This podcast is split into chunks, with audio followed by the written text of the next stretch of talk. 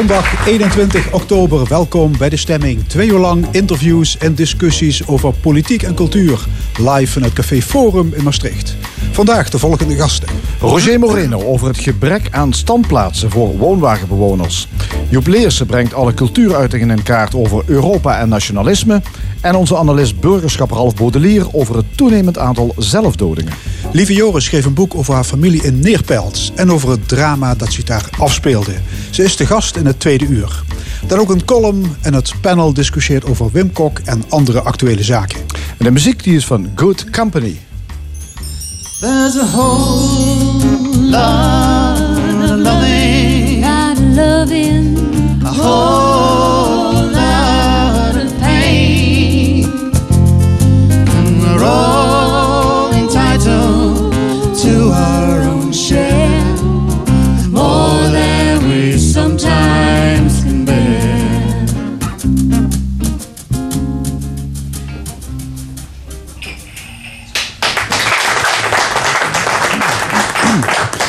In heel Nederland voeren woonwagenbewoners en zigeuners acties voor betere huisvesting. Ze protesteren vooral tegen het feit dat gemeenten te weinig standplaatsen creëren.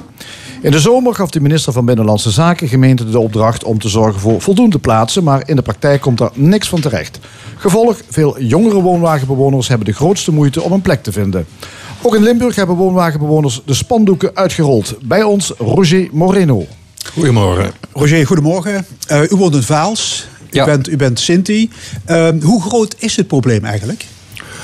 Het is vrij groot, ja, want uh, men heeft jarenlang een uh, zogenaamd afbraak- of uitsterfbeleid gevoerd.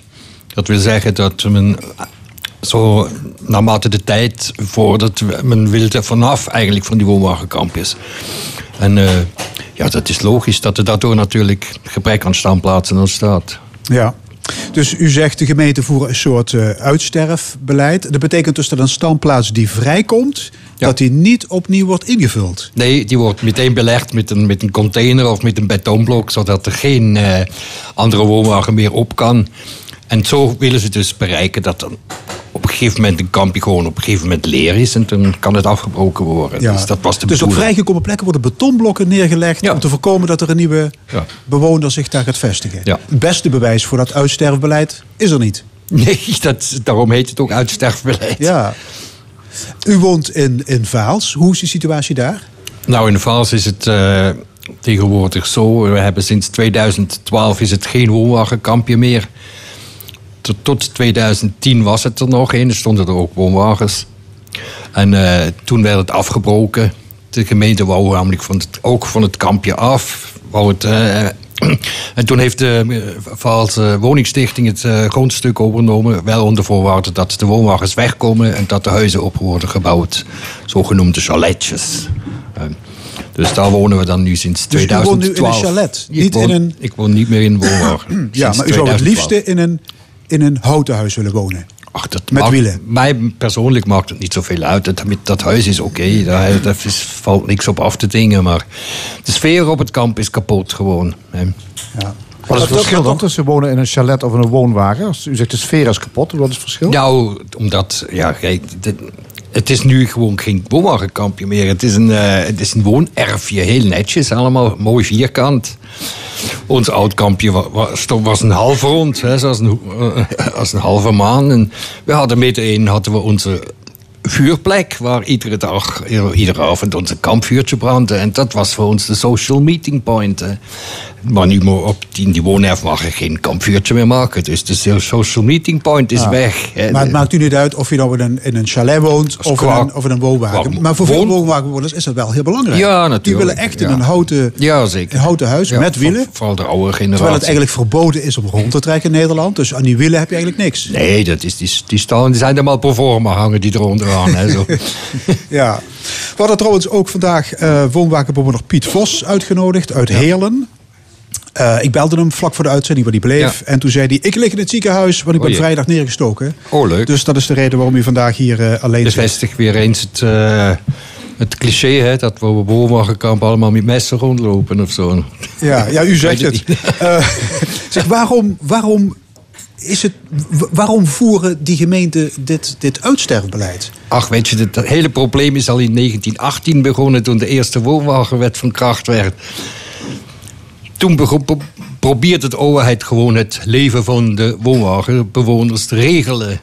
Ze probeerden jullie met die wet in het gareel te krijgen. Sowieso, want de overheid die wil je graag alles onder controle Ja, hebben. jullie En moesten wat- terugkeren in de normale burgermaatschappij, zo heette dat officieel, hè? Ja, dat was eigenlijk de bedoeling dan geweest vanaf, eh, laat maar zeggen, dat vanaf de afschaffing van de woonwagenwet in 1999.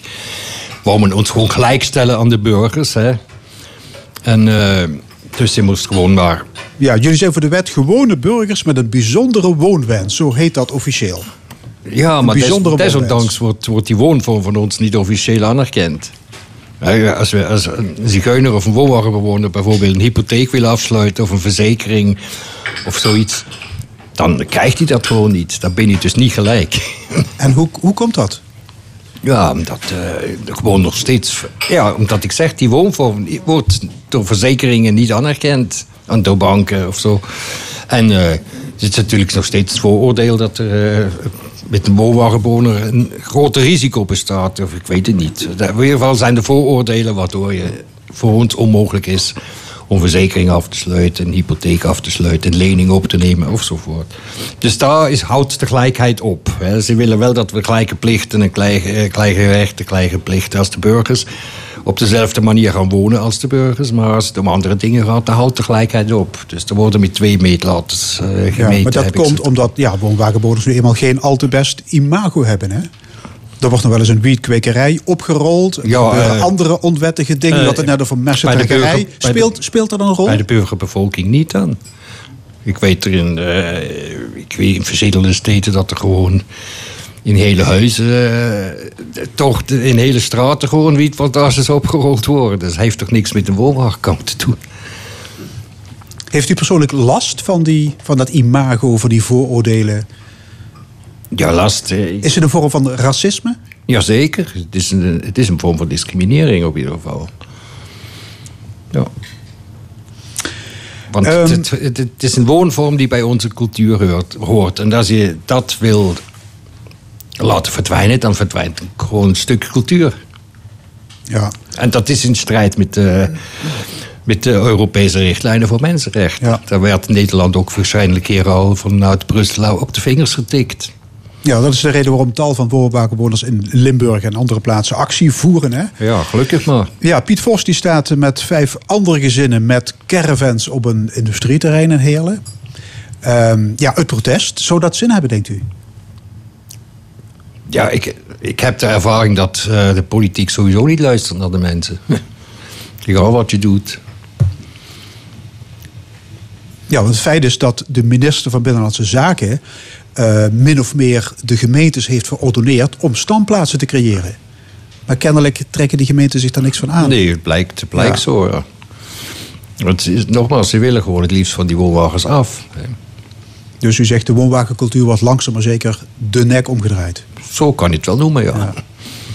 Want ik zeg maar, dat begon al in 1918. Hè. En ik bedoel, al die, die woonwagenwet, dat die beleiden, die hebben in de loop der decennia's verschillende keren eh verschillende gezichten en verschillende vormen aangenomen. En iedere keer dat er weer een nieuw beleid werd uitgestippeld, werd het gewoon een ravage, werd het een probleem. En het probleem is gewoon dat er beleiden worden uitgestippeld en de regels opgesteld zonder dat men met de woonwagenbewoners overlegt of eh, met hun communiceert. Er wordt niet gecommuniceerd. Er wordt Ja. gewoon iets besloten over de koppen van de bewoners heen. Ja, dat is het had je grootste trouwens probleem. grote regionale wo- woonwagenkampen. Ja, natuurlijk. Dat, Die, die, zijn op dat niet goed. die zijn ontmanteld. Dat was allemaal te grootschalig. Dat er zijn kon- kleine subkampen voor de plaats gekomen. Ja, en kennelijk wil men daar nu ook vanaf. Dat is gewoon omdat men een zaak nooit tot einde doordenkt. Men kan een groot woonwagenkamp maken, maar men vergeet dat die, dat die lui ook eens kinderen en kleinkinderen krijgen. Dat het, ja, en als je dus een, een, een kampje hebt dan van 70 staanplaatsen, ja, binnen 10, 15 jaar, 20 jaar staan er daar halt eh, 150. En dan heb je, eh, heb je een probleem, natuurlijk. Dan wordt het onoverzichtelijk, dan wordt het niet meer te controleren. Overheid controleert je graag. Hè. Wil je graag altijd weten wat we doen en liefst nog wat we eten. En ehm, ja, dan gingen ze op een gegeven moment over om die, om die grote plaatsen te decentraliseren, noemden ze dat. Allemaal te splitsen op in kleinere kampen. Maar ook daar weer gingen ze niet eh eh, woonwagenbewoners raadplegen. En ze gingen niet communiceren, want daar werden gewoon, lu- gewoon maar rakelings werden de mensen verdeeld. Zonder te kijken dat, de dat er bijvoorbeeld in de hoop van de woonwagenwereld een heel hechte familieband is. Dat mensen samen, dat de families samen willen staan op een woonwagenplekje. Dus men, men heeft, men heeft maar gewoon verdeeld, lukraak. En wat weer problemen heeft gebracht. Dus het heeft altijd, egal wat ze hebben uitgestippeld, het werd altijd een probleem. Omdat niet werd gecommuniceerd. Ja, en als het straks zo doorgaat, dan is er geen, geen woonwagenkampje meer over. Ja, ik geloof, zover krijgen we het niet. Want als het, als het nou. eh, als er werkelijk een beetje goed geprotesteerd wordt en goed actie gemaakt wordt, dan. eh, denk ik toch dat, dat ze er iets aan moeten doen. Ja. Want anders neem ik maar aan dat we tot eh, naar, eh, naar Brussel of naar Straatsburg gaat of zo. Ja. En geeft het moed dat de minister zegt ah, tegen de gemeenten: zorg nu voor voldoende standplaatsen? Ja, goed, als die. Als die eh, ik denk dat, je daar, dat ze daar weer een wet moeten gaan maken. Want anders zouden zich die gemeente gewoon ni- niks van aantrekken, heb ik zo het gevoel. Ja. Ja, maar de acties gaan voorlopig door, denkt u? Dat hoop ik toch wel. Ja. Maar, maar gemeenten zeggen, woonwagenbewoners nemen op deze manier het heft in eigen hand. Wat vindt u daarvan? Nou, ik vind.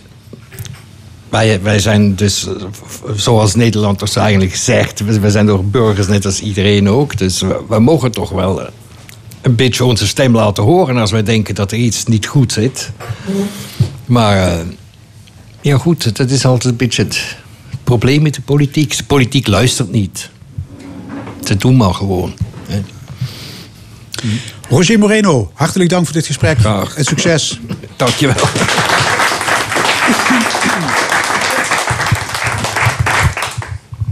Ja, en hier op het eh, podium van Café Forum, daar staat eh, Good Company, Helen Moes, ehm, zangeres. Ehm, kun je eens omschrijven, wat zijn jullie voor een soort band? Ja, wij zijn eigenlijk een eh, gezellige club, zeg maar, van mensen die eh, allemaal hun sporen verdiend hebben in de muziek. En elkaar nu hebben gevonden in het eh, maken van mooie luisterliedjes die, die we zelf heel erg mooi vinden. Dus het is vooral een band die muziek maakt die ze zelf heel mooi vinden. Luisterliedjes, ehm, wa- wat voor soort muziek moet ik dan aan denken? Ja, een beetje Americana, een beetje folk. Wil schrijft eigen nummers, dat is onze zanger-gitarist. Ja, ja, je zegt Wil, volgens mij, ik, ik moet even kijken, volgens mij herken ik Ja, ja, ja, ja. Wil heeft meegedaan aan eh, The Voice Senior. Ah, kijk aan. Dus eh BN'er, Juist, ja, ja. Sinds kort, ja. sinds kort, ja. Eh, en je zegt, Wil schrijft ook eigen nummers, die, die brengen jullie ook. Ja, die brengen we vandaag ook, ja. En eh, hoe lukt het? Hebben jullie optredens? Eh, waar, waar zijn jullie te zien, te horen? We mogen niet klagen. We bestaan nog niet zo lang. We zijn denk ik eh, afgelopen jaar zijn we begonnen. We staan binnenkort in de, de Bonte Haan hier in uh, Terblijd. Dat is in november. We hebben in november ook een personeelsfeest wat we opluisteren. Waar, waar spelen jullie het liefste? Wat voor soort plekken? Eh, liefst in kleine theaters. Dus we spelen ook in het Cultuurhuis in Heerlen. of op zondagmiddag in een gezellige kroeg. Of bij iemand thuis, dat kan ook. Of op zondagochtend op de radio, hè? kan natuurlijk ook. Hè? Wat, wat is het eerste nummer waar we naar gaan luisteren? Wat we nu gaan doen is een nummer van de Common Linnets. En het heet eh, Still Loving After. Wij gaan luisteren. Good Company.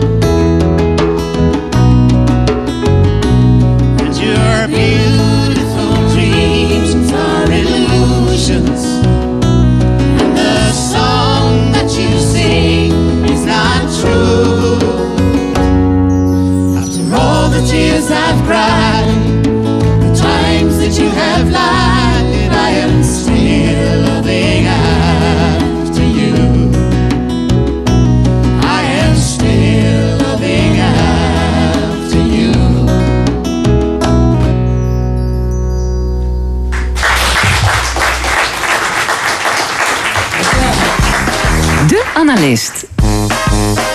Vandaag met analist burgerschap Rolf Baudelier. Goedemorgen, Ralf. Dag Frank. Ja, eh, als jij aan tafel zit, eh, dan schijnt eigenlijk altijd de zon. Ja. Want jij komt altijd met goed nieuws. Ja.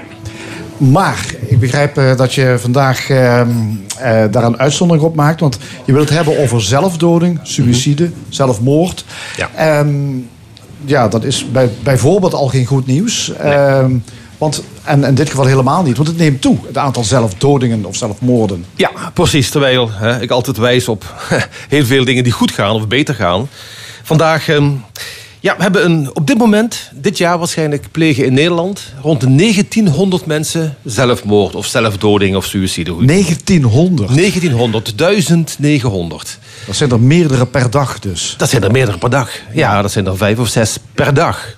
En dat is enorm veel. Zeker als je bedenkt dat dit een opgaande lijn is, of een neergaande lijn, hoe je bedenkt. In 2000, het jaar 2000, waren het nog 1500 mensen per jaar. Dus we zijn in 17 jaar tijd, 18 jaar tijd, met 400 zelfdodingen gestegen. Ja, dat is meer dan bijvoorbeeld verkeersslachtoffers. Of, Ja, als je bedenkt dat in, in Nederland hebben we rond de 600 eh, verkeersslachtoffers. Het hangt een beetje per jaar. En we hebben 130 moorden, om iets anders te noemen. Hè. Het zijn allemaal van die delicten waar Ja. geweld wordt uitgeoefend op een lichaam. Nou ja, als je dat dan vergelijkt met die 1900 zelfmoordslachtoffers, dan is dat echt bijzonder veel. Ja, is dat nou iets typisch Nederlands? Nee, het is een. ehm, je ziet die, die, die, die zelfmoordaantallen echt wereldwijd stijgen. Zeker in de westerse wereld. En, maar wat je ook ziet, is dat Nederland een soort middenmoot inneemt. Dus als je hier kijkt naar Europa. Europa heeft überhaupt de hoogste zelfmoordaantallen wereldwijd. Dan zitten wij hier in Europa in het, in het midden ongeveer. De Belgen hebben een veel hoger aantal zelfdodingen dan, dan wij in Nederland. Maar in Litouwen en Rusland ligt het meer dan dubbel. Of twee keer, of drie keer zo hoog zelfs. Dan tegen Griekenland en Italië en Spanje, de Middellandse Zee. Maar ook armere landen voor een deel. Daar ligt het weer een stuk lager. En nog lager in Afrika en het Midden-Oosten. Syrië zes keer zo laag als Nederland. Dus dat ellendige Syrië, of dat arme Afrika. Dus dat daar zoveel lager ligt, dat zegt dat wij toch echt een, hier een probleem hebben op te Ja, lossen. het gaat in, dus eh, niet Nederland. eigenlijk om een, een onwaarschijnlijk miserabele situatie waarin een samenleving verkeert. Nee. Er is iets anders aan de hand. Het Ja. gaat om mensen die ja, op de een of andere reden dus eh, ja, besluiten om een, een einde te maken aan hun leven. Precies. Hebben we daar inzicht in, wat dan de redenen kunnen zijn? Ja, ja het- de, de Wereldgezondheidsorganisatie die, die onderscheidt eigenlijk drie groepen wat dat betreft. Dus één, en dat is de grootste groep, bijna de helft. Dat is ook de moeilijkste groep. Dat zijn mensen met zware psychische problemen. En heel vaak ook een alcoholverslaving die eraan vastzit. Dan heb je een wat kleinere groep. En die mensen die hebben één groot probleem. Ze voelen zich langdurig uitgesloten. Dat zijn heel concreet gevangenen in de gevangenis. Ja, die worden natuurlijk expliciet uitgesloten. Maar ook mensen van seksuele minderheden, transgenders hè, en hoe ze mogen heten. En natuurlijk nog een groep eh, mensen die we vaak niet in het vizier hebben. Dat zijn vluchtelingen. Die hier komen en ook vaak al getraumatiseerd zijn en met groot verdriet. En dan hier maandenlang hè, buiten de samenleving worden gezet in die asielzoekerscentra. En als ze al meedoen, dan nog vaak niet die rol krijgen. En een nog wat kleinere groep mensen met acute eh, problemen. Dus ontslag, eh problemen met kinderen, met ouders, financiële problemen. Die, die grote groep, mensen met die langdurige eh, psychische problemen, die is echt heel erg moeilijk te behandelen. en niemand weet Dat precies. zijn de- bijvoorbeeld de verslaafden. Het zijn Ja. verslaafden bijvoorbeeld, ja. Maar die andere twee groepen, dat is echt veel interessanter. En dat is bij elkaar ook de helft. Eh, we weten dat zelfmoord helemaal niet de ultieme oplossing voor hen is. Ze willen eigenlijk helemaal niet dood. Want dat zijn mensen die hebben een concreet probleem. En Ja. daar zou je iets aan kunnen doen, Precies. hoor ik jou zeggen. Dus Exact. Die vluchtelingen die willen gewoon meedoen met ons. Hè. Die mensen met die transgenders, die willen gewoon geaccepteerd worden. En gewaardeerd worden, ook in hun seksuele eh, rol. Die mensen met die problemen met hun kinderen, of met ontslag of werkeloosheid, die willen een baan. En die willen dat die problemen worden opgelost. Dus als je iets kunt bedenken met die groep mensen om die problemen op te lossen, dan verdwijnt zelfmoord weer van het, eh, de scala van de Ja, mogelijkheden. is dat wel zo? Want ik denk dat iemand die met dat idee rondloopt, die is daar misschien zo vastbesloten in eh, Ja. dat, dat er toch geen redden meer aan is. En Ja. Dat klinkt misschien heel cru, maar ja. Ja. je begrijpt misschien wat ik bedoel. Dat begrijp ik. En dat is voor mij, toen ik me hier in het thema verdiepte, hè, afgelopen week, ook ik van de meest, een van de meest interessante eh, dingen die, ik- die ik eh, las in al die onderzoeken van de, van de WHO, dat dit dus niet klopt. Dat denken wij vaak. Dat geldt misschien wel voor die hele grote groep, met, met die psychische problemen. Maar die kleinere groep is dat niet zo. Het blijkt zelfs dat mensen die, het grootste deel van de mensen die zelfmoord plegen, dat er maar binnen maar één uur hebben ze die acute zelfmoordgedachte gehad. En tot bijna vijf, zes minuten voor de daad is er nog heel veel twijfel. En dat betekent dus dat je die mensen, als je ze in dat uur treft, dat je nog kunt terughalen even. Ik geef een heel concreet voorbeeld wat ik las. Ehm, dat mensen die. Op een gegeven moment komt toch de gedachte op: het is goed geweest, ik wil niet meer. En die lopen naar een treinovergang. En op die spoorweg er worden werkzaamheden verricht. En wat doen ze dan? Je zou zeggen, dan lopen ze een half uur verder voor een andere overgang. En dat gebeurt dus niet. Dan lopen ze terug naar huis. En na het uur is ook die acute drang weer over. En daar zit ook heel meteen, meteen een deel van de oplossing eigenlijk. Even los van de oplossing te moeten zorgen voor hè, mensen moeten meedoen. eh, maar heel concreet, als je nu kunt voorkomen dat mensen ter plekke dat doen, door vangnetten onderbruggen, door, eh, door lampen en bellen op spoorwegovergangen, door borden, door wat dan ook, dan zou je ze van dat randje kunnen aftrekken. Althans, niet iedereen, hè, maar een, een evidente groep. Juist een fysieke hindernis Ja. op het laatste moment, die kan je weerhouden van die ultieme daad om er een einde aan te maken. Precies. En daar hebben we een heel mooi voorbeeld van. ProRail, dus de beheerder van het spoorwegnet, die hebben de afgelopen jaren enorme hekken gezet langs alle spoorwegen. Dat zie je als je langs fietst, van die groene hekken. En het blijkt dat het aantal zelfdodingen op het spoor met 70 is teruggelopen, 70 mensen. Dus blijkbaar eh, werkt dat dus, zo'n hek. Dus sta je voor zo'n hek en je moet er overheen klimmen, is een extra barrière, daar gaat tijd overheen. En op dat moment kun je weer teruggaan. Ja. Dat, dat zijn allerlei fysieke maatregelen die je kan Ja. nemen. Praten. Ja. Helpt dat? Ja, dat, dat helpt. Dat is, dat is de allerbeste maatregel. Want op praten kom je ook op oplossingen. En eh, er is een website van sinds een paar jaar, eh, zelfmoordpreventie 113, met ook met alle tips hoe je moet praten. En eigenlijk komt erop neer dat wij vaak gewoon in de familie leven of in de kroeg met vrienden vaak wel zien dat iemand in de rat zit met een probleem en toch niet durven door te vragen, denk je er wel eens aan om ook je leven te beëindigen? Of heb je wel eens, eh, droom je wel eens over zelfdoding? Dus een, dat is ook wel echt een enorme grens ga je over door zo'n vraag Daar ga je een enorme natuurlijk. grens over. Maar die, die website, hè, of die- wat er een heel denkpatroon achter zit, die gaan ervan uit dat je dit wel moet doen. En zeker in een intieme kring. En ook wat betreft artsen met patiënten of eh, docenten met, met hun mentorscholieren. dat je dus echt vrij expliciet ook die vraag moet stellen. Dat, omdat het toch een begin is van een zoeken naar een oplossing. Als je die vraag niet stelt, dan kom je ook niet naar het zoeken naar oplossing met die ouders met hun kinderen, dat ontslag, die financiële problemen, uitsluiting, al die thema's. Ja. ja, ik vind het interessant dat jij dit zegt. Want Mhm. eh, bijvoorbeeld in de journalistiek, waarin wij dan werken, Ja. is toch eigenlijk een afspraak dat je niet over een zelfmoord bericht. Ja.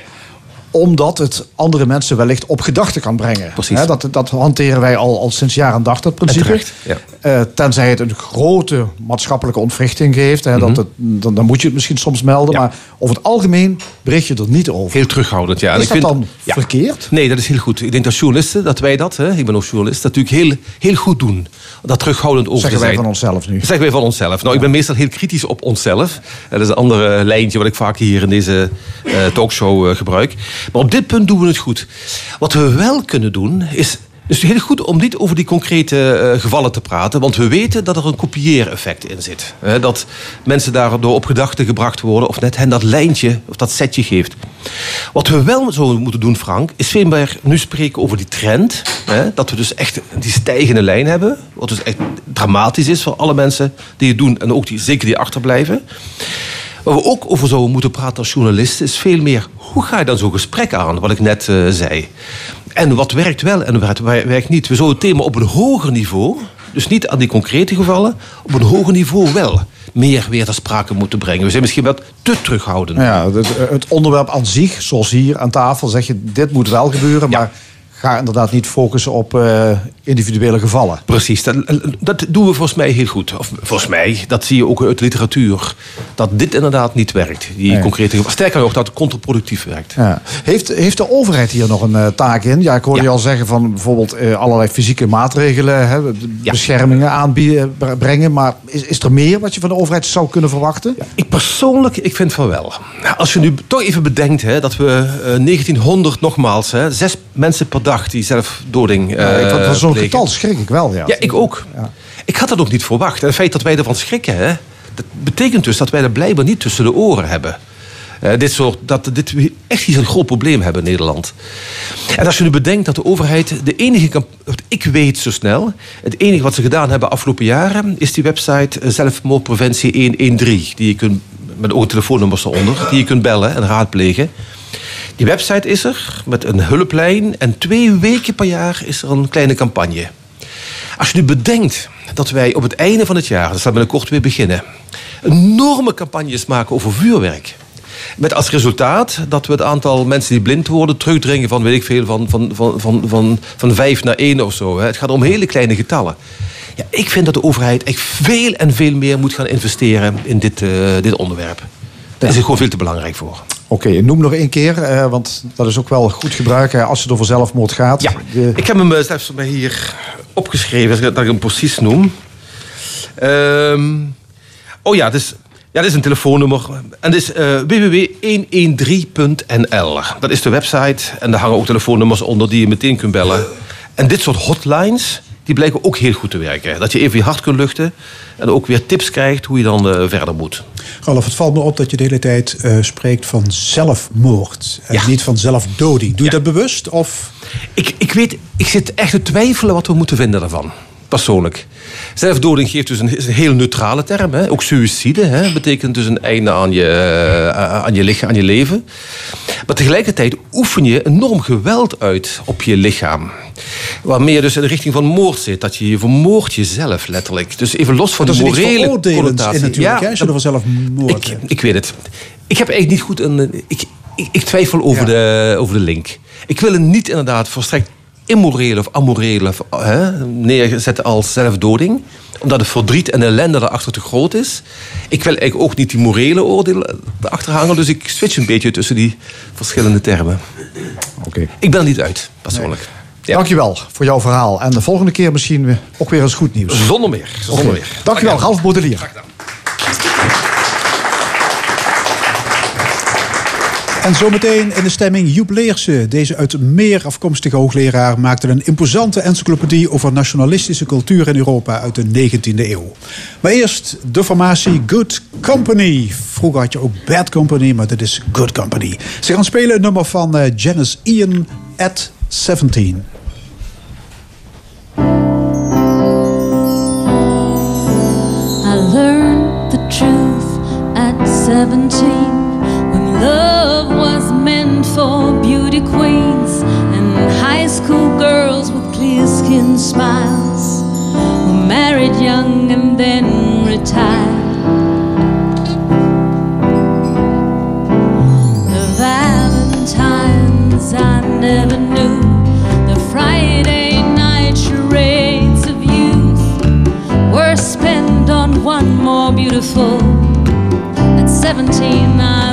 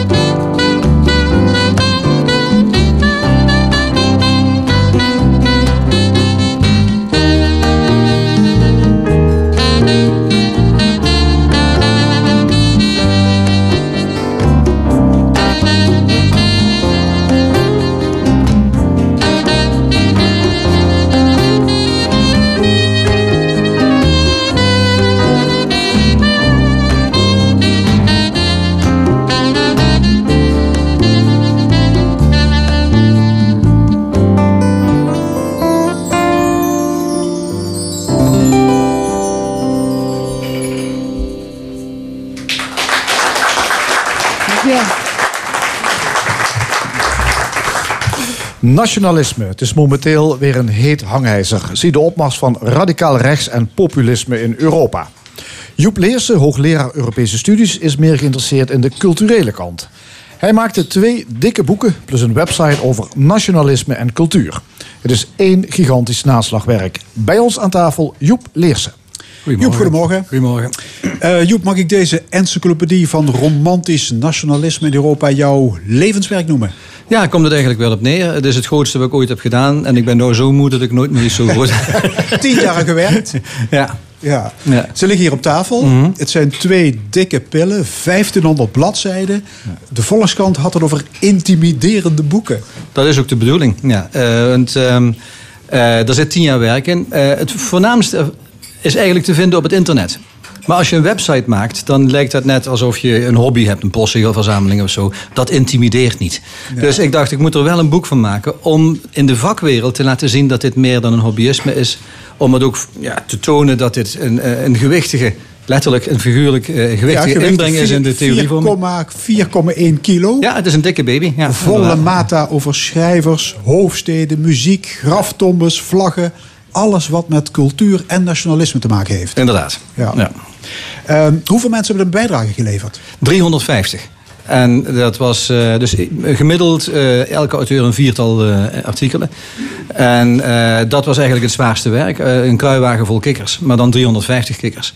En allemaal zorgen dat ze op tijd hun stuk inleveren. En dan redigeren om het Engels goed te maken en de kruisverwijzingen aan te brengen. Dus je moet ook over het nodige organisatietalent beschikken. Ja, ik was eigenlijk een soort ja, MKB-entrepreneur. ja, het was een heel, eigenlijk de organisatie was het, het hardste werk. De rest was gewoon leuk. En waar heb je die 350 mensen vandaan? Eh, uit eh, ja, die prachtige internationale organisatie die de Universitaire We- Wereld heet. Dus de, eigenlijk de, de interessegemeenschap van wetenschappers.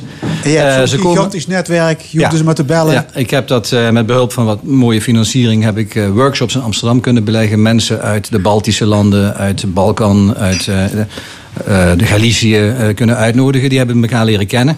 Dus mijn ambitie was altijd om van eh, de Universiteit van Amsterdam een soort wetenschappelijk Schiphol te maken. Echt een hub. Dat is ook gelukt. En die mensen zijn dus ook allemaal gestrikt om te schrijven voor de encyclopedie. Ja. Hoeveel geld had je ter beschikking? Nou, dat was een riante som, 2,5 miljoen euro. Ehm, Ja, en dat, begon met ehm, de, de, de winst zeg maar, van de Spinoza-prijs. ja.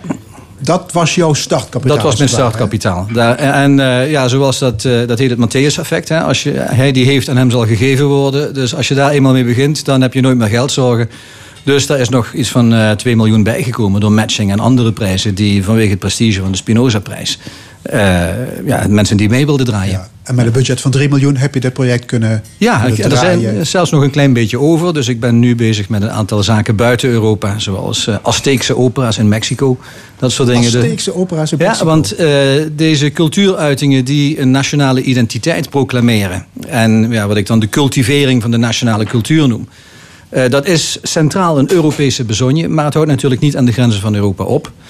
Eh, het Pan-Afrikanisme eh, van Nkrumah is, is een, een heel boeiende... eh, De Rastafari-beweging. Kortom, het is een, never-ending story eigenlijk. Ja, nou ja, ik ga niet de hele wereld doen. Ik open een paar zichtlijnen op de grotere, wijdere wereld. En dan moet voor de rest de toekomstige generatie maar kijken wat ze daarmee doen. En waar begint de encyclopedie en waar eindigt die? Het is de, de hele lange 19e eeuw. Het nationalisme kun je vergelijken met een klontje suiker dat je in een kop koffie gooit. Dat begint met een plons. En op het einde is het, het klontje weg. Maar de suiker is er nog steeds. De koffie is nog steeds zoet. Dus wij zijn nog altijd romantici. Iedereen die Bob Dylan meezingt is nog een beetje romantisch. Dus het is nooit echt opgehouden. En, en dat moderne, banale nationalisme... dat is gewoon een, een, een, ja, een getrivialiseerde voortzetting... van wat een hard activistisch nationalisme was in de 19e eeuw. Dus het begint 1800... Eh, ik laat het na de Eerste Wereldoorlog een beetje uitlopen. Maar hier en daar signaleer ik dingen die nog tot in de jaren 30, 40 van deze dus eeuw. André Rieu en zijn. Strauss-orkest eh, kun, je- kun je dat niet in vinden. Dat, Ehm, nou, Strauss wel, maar eh André Rieu misschien in een supplement weer. Ja. Eens kijken. er hangt een prijskaartje aan beide Ja. boeken. Ja. Het niet misselijke bedrag van 269 euro. Ja. Kortom, dit is niet voor Jan met de pet. Nee, dit is inderdaad bedacht voor eh, de universitaire wereld. Dit moet gekocht worden door universiteitsbibliotheken. Engelstalig bovendien. Engelstalig. Eh, en de, ik heb wel eh, bedongen, dat mag normaal niet van overheidssubsidie. Maar in dit geval mocht het wel. Dat ik een aantal exemplaren tegen gereduceerde prijs kon afnemen. En die zijn uitgezet bij armlastige bibliotheken in buitenlanden die het niet zo breed hebben. Maar tegenwoordig is elke universiteit armlastig, maar goed. Eh, en bovendien is, ehm, nou ja, om te beginnen wil ik daarmee de jonge generatie onderzoekers bereiken. Die gewoon in een bibliotheek werken. Eh, maar de hele inhoud is gratis toegankelijk op het internet. Ja, daar kom ik zo meteen op. Ja. Maar goed, Sinterklaas zit eraan te komen. Dus, Ja, eh, dat, dat klopt. Heeft Sinterklaas trouwens ook een lemma in het boek? Die Ehm, is ook 19e eeuws, volgens Ik mij. heb in, eh, op, op het web staat eh, iets over de 19e eeuwse cultus van familiefeesten. En ik geloof dat Sinterklaas en de Duitse tuinkabouter en de koekoeksklok daar onder één eh, rubriekje staan. Ja, Zwarte Piet. Ja. Ja. Ja, ja, Zwarte Piet is natuurlijk een mooi voorbeeld van de manier waarop eigenlijk triviale alledaagse cultuur, binnens, binnenshuiscultuur, en kleine kinderen die het schoentje zetten, opeens een politiek breekijzer kan worden. Dat, dat soort processen hebben we vaak gezien. Ik, ik word er niet moe van te zeggen dat de eerste die dat heeft gedaan in Nederland, dat was Rita Verdonk. Rita Verdonk met haar partij Trots op Nederland heeft gezegd... wij moeten Sinterklaas en Zwarte Piet als een oer-Hollands erfgoed beschermen... tegen Santa Claus en allemaal kwaaie postkolonialen. Dus het zijn de nationalisten die erover beginnen. Niet eh, de, de boze, eh, zeg maar, niet- niet-witte medeburgers. Ja. Maar alle cultuuruitingen in het boek moet, moeten raakvlakken hebben met het nationalisme. Ja. Dat, dat was een harde voorwaarde. Ja, ehm, de, de bedoeling is om het nationalisme te begrijpen. Het nationalisme is een van de meest succesvolle politieke doctrines van de laatste twee eeuwen. Succesvoller dan het socialisme, minstens even succesvol als het liberalisme. En het is enorm wendbaar. Het is heel flexibel. Het past zich aan aan de omstandigheden van de Eerste Wereldoorlog, van de jaren 1950 en nu in het populisme. Dus om zeg maar, het genoom van dat nationalisme te begrijpen, wilde ik kijken hoe de cultuur daar een rol in speelt. Want dat werd door de politiekwetenschappers niet zo erg op de voorgrond gezet. En nou, zaken die eigenlijk tot de triviale alledagscultuur horen, zoals een taal, die je gewoon van 's ochtends vroeg tot 's avonds laat spreekt, of Zwarte Piet. eh, die kunnen op een bepaald moment tot een politiek symbool van de nationale identiteit gaan worden. En daarmee geïnstrumentaliseerd worden voor een politieke mobilisatie. Dat wilde ik in kaart brengen. Dus zo is het begonnen. Ja. De exploratie van het, Het nationalisme. nationalisme, ja. Ja. Ja. Ehm, heb je niet af en toe gedacht, waar ben ik aan begonnen? Vreselijk, ja. Ik ben dus, eh, het mooiste van dit hele boek is dat het af is. Eh, want ik ben dus echt heel vaak om vier uur 's ochtends zwetend wakker geworden. En me gedacht, mijn hemel, de mannenkoren in Litouwen. Dat, dat, artikel komt maar niet, wat moet ik daarmee? Dus eh, dat is, ja, het is, maar dat was het organisatorische aspect. Inhoudelijk is het...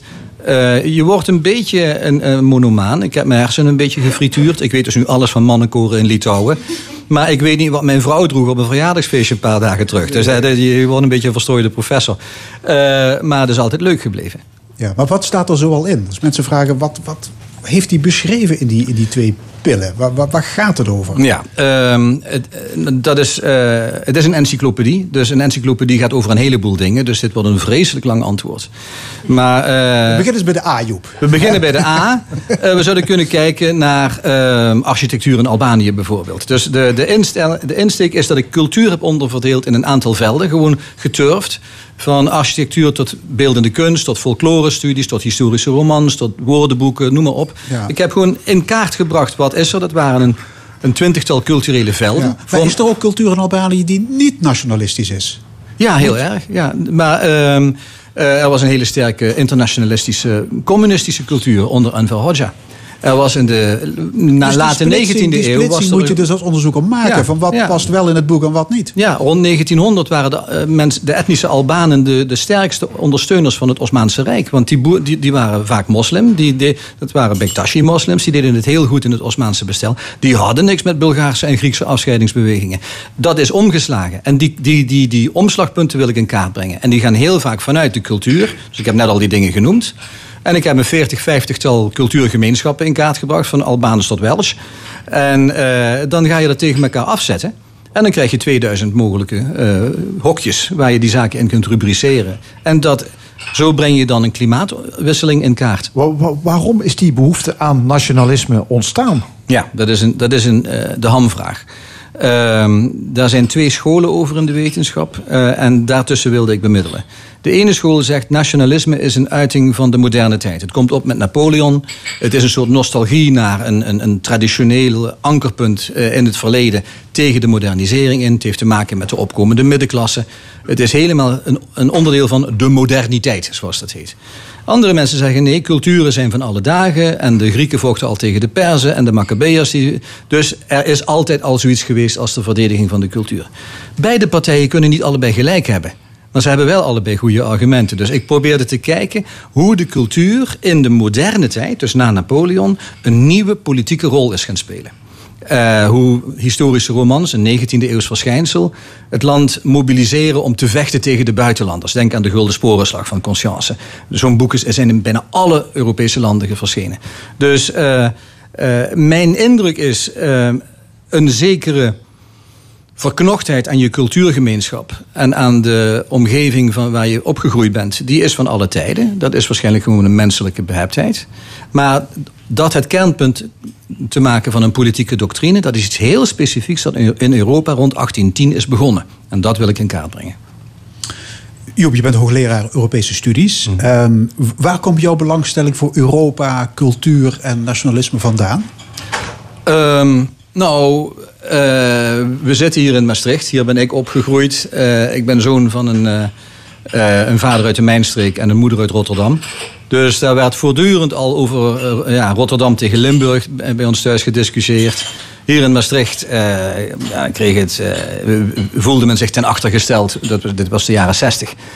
bij de Randstad en bij de Hollanders. Dus als je hier opgroeit, dan zit je vanaf je vroegste jeugd in een omgeving waarin culturele identiteiten ter discussie worden gesteld. Je groeit op in een grensgebied. Dus jouw persoonlijke genoom heeft er, heeft er alles mee te maken Absoluut. Dus ik, Ja. ik ben van, van mijn puberteit geïnteresseerd geweest in die vraag: wat zijn die nationale identiteiten en waarom ma- maken mensen zich daar zo druk over? Wa- Was dat ook niet de tijd dat misschien overal in Europa wel nationalisme bestond, maar Nederland, Nederlanders vonden van zichzelf, geloof ik, het enige land ter wereld Ja. waar men niet nationalistisch was? Ja, dat, eh, dat werd vaak gezegd. Eh, nationalisme is typisch iets van buitenlanders. Mijn antwoord daarop is altijd: slechte adem merk je alleen bij andere mensen. Eh, Nederland was zo nationalistisch als de neten. Alleen we, ja, we merkten het niet van onszelf. Nederland is een door en door nationalistisch land. En, de, en de politieke, het politieke debat wordt de laatste tijd vooral gedomineerd hè, door cultuur. Ja, nou, Hè, ja. Kijk naar, we noemden hem net, Zwarte Piet, Wilhelmus in de klas, een vlag in de Tweede Kamer, de, de islam. Ja. Worden wij steeds nationalistischer? Wij worden steeds, nou, ja, laten we zeggen, het nationalisme wordt steeds meer saillant. Eh, als je het historisch volgt, kun je het een beetje vergelijken met een dolfijn. Die zwemt soms onder water en soms boven, eh, springt hij boven de golven uit. Eh, en nu zien we hem opeens weer boven de golven uitspringen. Hij is opeens weer heel erg zichtbaar. Eh, het is begonnen met eh, het verdrag van Maastricht. Als ik het zelf historisch bekijk. Eh, op dat moment waren er een aantal Nederlandse intellectuelen die de toenmalige Nederlandse regering, sociaal-democraten notabene, dwongen om een zogenaamde culturele paragraaf op te nemen in het verdrag van Maastricht, waarin gezegd moest worden de nationale culturen moeten gevrijwaard blijven van verdere Europese eenwording. Dat was een, eh, een open deur die ingetrapt werd, want de Europese eenwording ging nooit over cultuur. Maar dat men het nodig vond, was voor mij eigenlijk, en dat was in de tijd van de Duitse Wiedervereinigung en van eh, de onafhankelijkheid van de Baltische Staten, eh, het dreigende uiteenvallen van Joegoslavië. Dus je kunt dat heel goed dateren en het is in Maastricht een beetje begonnen. Ja. Maar de rest van Europa zie je dat nu ook. Hè? De opmars van Ja. populistische, Ja. radicaal rechtse Ja. partijen in België, Duitsland, Ja. Zweden, Frankrijk, Oost-Europa. Hoe, hoe kijk je daarnaar? De brexit, is dat ook een Absoluut. nationalistische reflex? Ja, de, ehm, dus voor mij is. eh, ik ben dus nu ook bezig met het, een- het alt-right. De zogeheten alt-right. En ook het populisme een beetje te bestuderen. Dat is niet hetzelfde, maar ze zitten wel een beetje met een elastiekje aan elkaar. Ehm, en ik heb net al gezegd, het nationalisme is een heel flexibele ideologie. Dat uit zich in 1848 heel anders dan in 1914. En we hebben nu een nieuw soort mutatie van het nationalisme, dat heet populisme. Ehm, en eh, daar hoort, eh, ja, een aantal elementen zijn daar typisch bij. Eh, ten eerste de combinatie van eh, xenofoob denken tegen vreemdelingen met anti-elitair denken. We willen geen hoge heren die losgezongen van het gewone volk. Die combinatie is heel nationalistisch. Het vertrouwen op charismatische leiders. Mensen die eigenlijk geen institutionele carrière hebben gemaakt, maar heel goed kunnen tweeten of een televisieketen hebben, zoals Berlusconi. Eh, dat zijn allemaal dingen waarvan je kunt zeggen: het nationalisme dendert gewoon door. En bovendien die politieke instrumentalisering van de alledagscultuur. Je krijgt dus, eh, nou ja, ik, ik heb dat elders ook al eens genoemd. In de gemeenteraadsverkiezingen van Rotterdam een paar jaar geleden. Hing de VVD een poster op om tegen Leefbaar Rotterdam een beetje. In Rotterdam spreken we Nederlands. Ja, zeg ik, duh, in welke taal is die poster geschreven? Dus eh, in, in Nederland ademen wij zuurstof. Wat, wat is er nou van om? Daarmee wordt bedoeld te zeggen, waag het niet om iets anders te willen spreken dan Nederlands. Nou, dat soort beheptheden is typisch nationalistisch. Ja, je, Volgens- wou- eh, die brexit heeft veel mensen verbaasd. Hè? Dat de, de Engelsen kozen tegen Europa. Ja, Eh, ja. Hadden we dat misschien wel kunnen voorzien dan? Als we in die, goed in die Engelse cultuur hadden gekeken? Ja, als mijn encyclopedie toen al uit was gekomen, had ik... Had, was stond er allemaal in al. Ehm, maar eh, inderdaad, Cameron zelf was totaal verrast. Hè. Iedereen werd, kreeg een oepsmoment toen men dus eh, inderdaad in het referendum koos voor de brexit. Ehm, ik zag het aankomen, eh, zei hij met een zelfvoldane grijns. Want er zat een enorm nationalisme te pruttelen in de vorm van Downton Abbey en Dad's Army en allerhande knusse wijgevoeletjes over hoe je anders de wel Engelsen... televisieseries. Ja, en, maar dat is dus dat banale nationalisme. Kijk, de Schotten die hadden hun Braveheart. Dat is zo'n popcornfilm van Van Dikhout zaag men planken. Van sla alle Engelsen de kop in, dan weet je wat je aan hebt.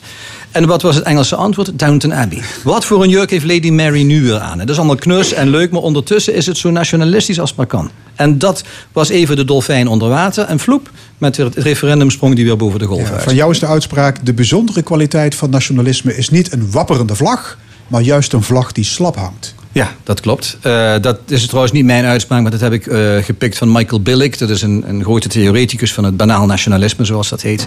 Dus mensen die met vlaggen zwaaien, die zijn activistisch fervent bezig met het bevestigen van een nationale identiteit. Dat kun je een tijdje lang doen, maar dan word je moe. De vraag is, wat blijft er dan van over? En als die vlag dan op re regeringsgebouwen blijft hangen, op, uh, op, op bumperstickers, uh, in de publieke ruimte, uh, op pizzadozen, op haringprikkertjes, een Nederlandse driekleur. Gewoon als een soort niet op een onopvallende achtergrondruis, wat in de reclamewereld de hidden persuader wordt genoemd, dan heb je succes als ideologie. Dan zit je er helemaal in, dan ben je tot in het onderbewuste doorgedrongen van de mensen. Is nationalisme nergens goed voor? Ja, je kunt. Uh, uh, er, er is iets dat goed is aan een soort nationale solidariteit. Um, er kan bijvoorbeeld een zekere solidariteit ontstaan tussen uh, arm en rijk. In Amerika is geen enkele solidariteit tussen arm en rijk, ook al lopen ze met de Amerikaanse vlag te zwaaien, maar de welvaartsstaat was eigenlijk een vorm van een nationale solidariteit. Uh, betrokken burgerschap doe je heel vaak omdat je Nederlander bent. Als ik mij kwaad maak over wat er in de politiek gebeurt, dan denk ik aan Miep Gies, dan denk ik aan dappere Nederlanders, dan, dan neem ik een voorbeeld aan goede Nederlanders.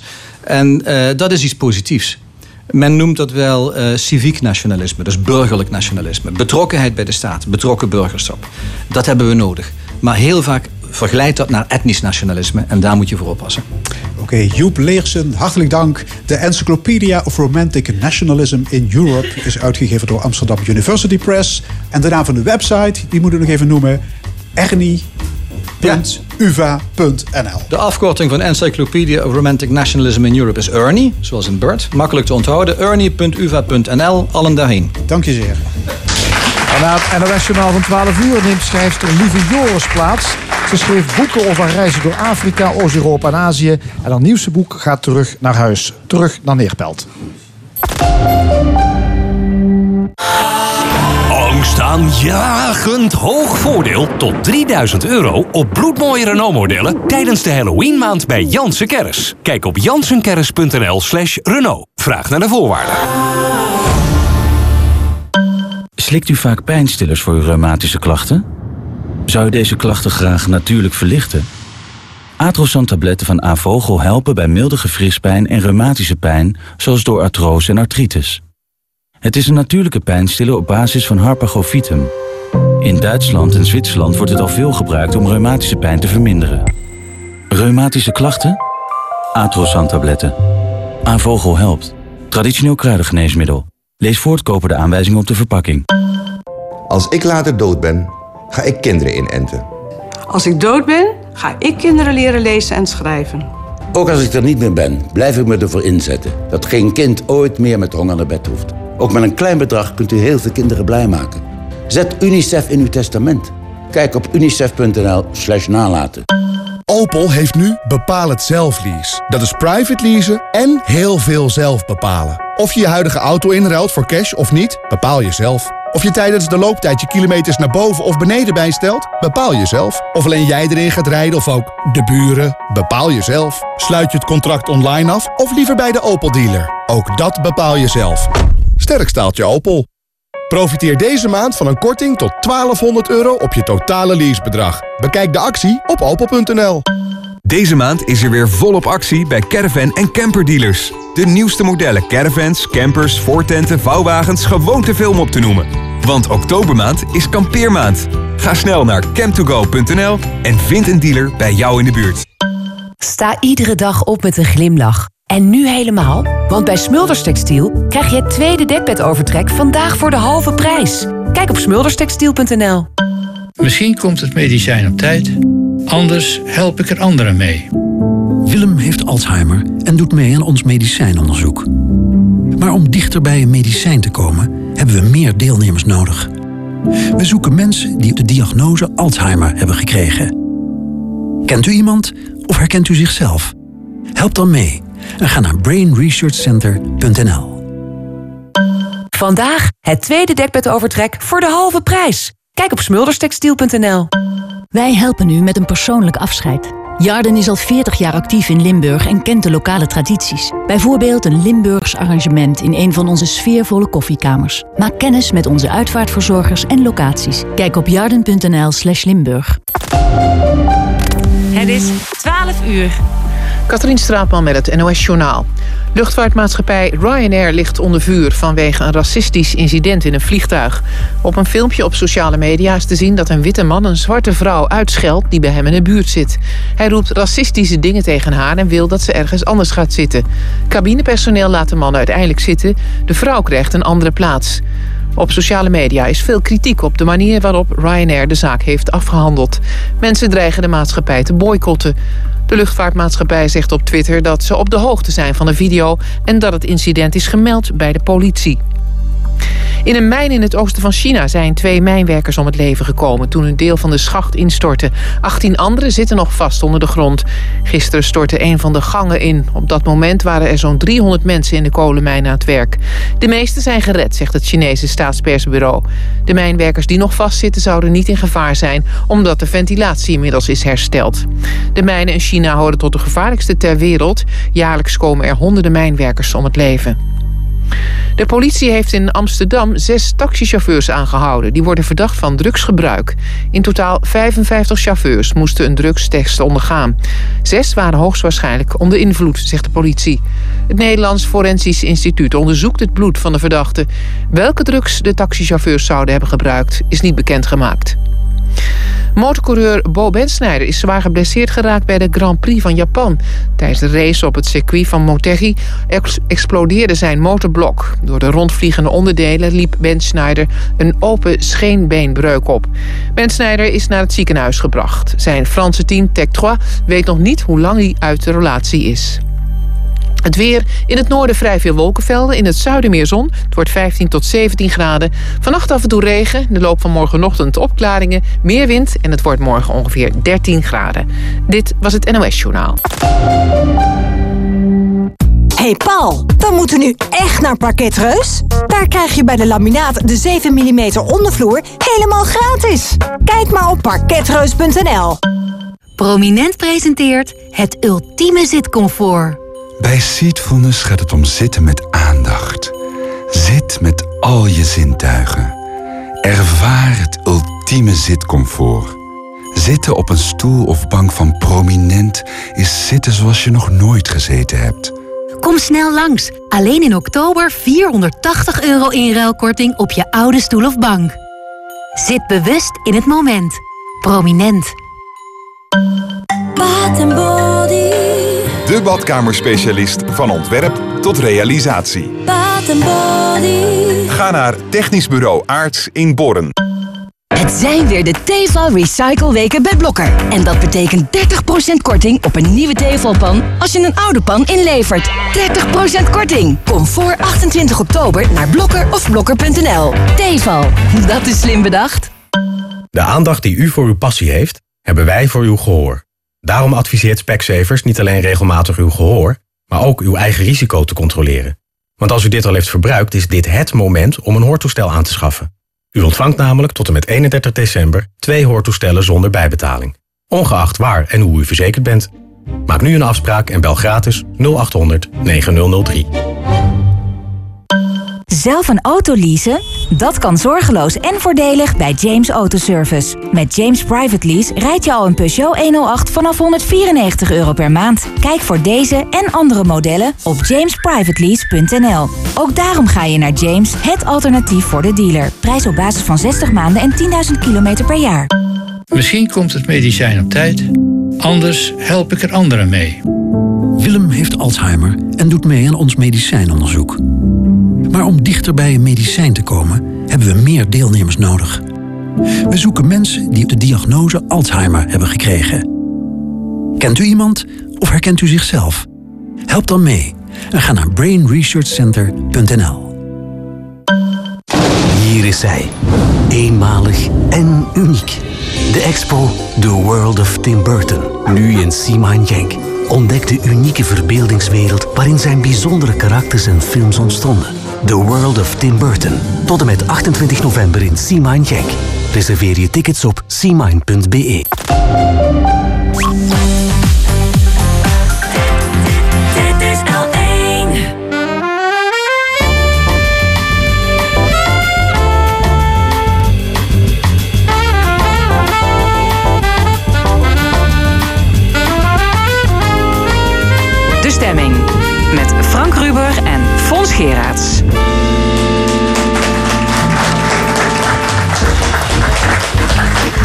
Opnieuw welkom bij De Stemming, het interview- en discussieprogramma van L1 Radio vanuit Café Forum in Maastricht.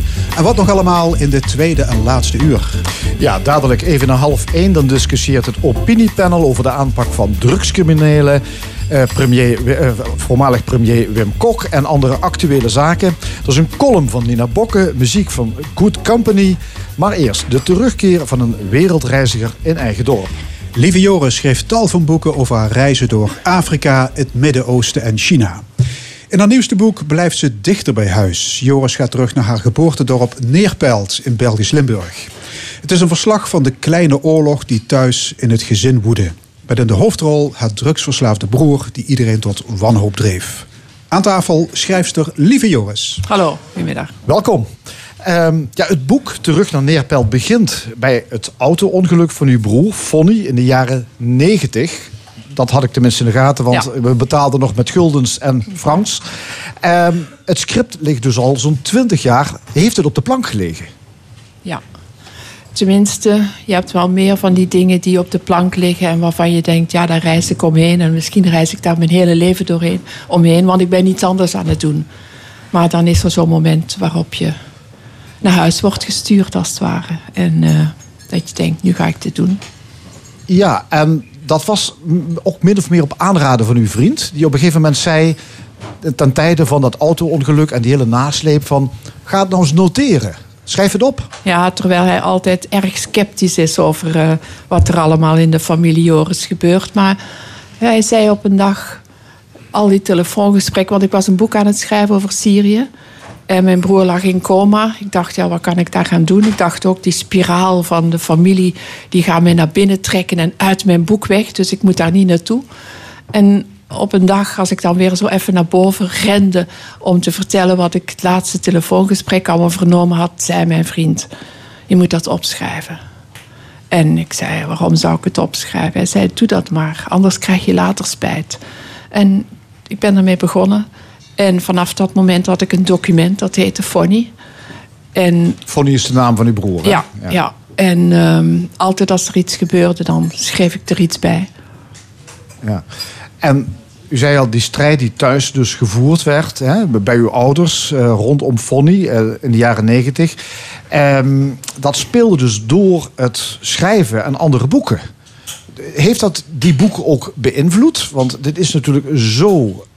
Ehm, ja, dit, maakt zoveel eh, los bij iemand. Dat ik me bijna niet kan voorstellen dat die andere boeken daar heel autonoom van tot stand kwamen. Nee, maar we zijn natuurlijk, al die boeken die we schrijven, die zijn heel subjectief en die hebben te maken met wie we zijn. En ik denk dat, eh, dat heb ik vooral ontdekt tijdens het schrijven van dit boek, dat ik heel erg bepaald ben door de familie waar ik uit voortkom. Ten eerste een familie met negen kinderen, wat op zich al tamelijk ongewoon is, in die tijd niet. Ik had een eh, oudere broer die eh, verslaafd was, zou worden aan drugs, een moeilijk kind. En ik had een jongere zus die het syndroom van Down had. Ons Mongooltje, zoals we haar vroeger noemden. En dat zijn twee personages die mij heel erg bepaald hebben. Aan de ene kant iemand voor wie je eigenlijk moest beschermen. Maar die je ook leerde wat manipulatie is. Die je ook leerde, hij zit met zoveel draadjes aan mij vast, maar hij is de foute kant op gegaan. Dus hij leert je ook om toch ook te houden van degene die het slecht doet. En dan heb je dat jongere meisje dat nooit iemand kwaad heeft gedaan. En dat je eigenlijk tegen alle kwaad moet beschermen. En je reist de wereld in En ik denk dat ik mij daar altijd wel van bewust ben geweest, zonder daar te veel over na te denken. En overal waar je bent, ga je eigenlijk op zoek naar het scheurtje in de dingen. Er is een hele mooie zin van Leonard Cohen, die zegt: uh, There's a crack in everything, that's how the light gets in.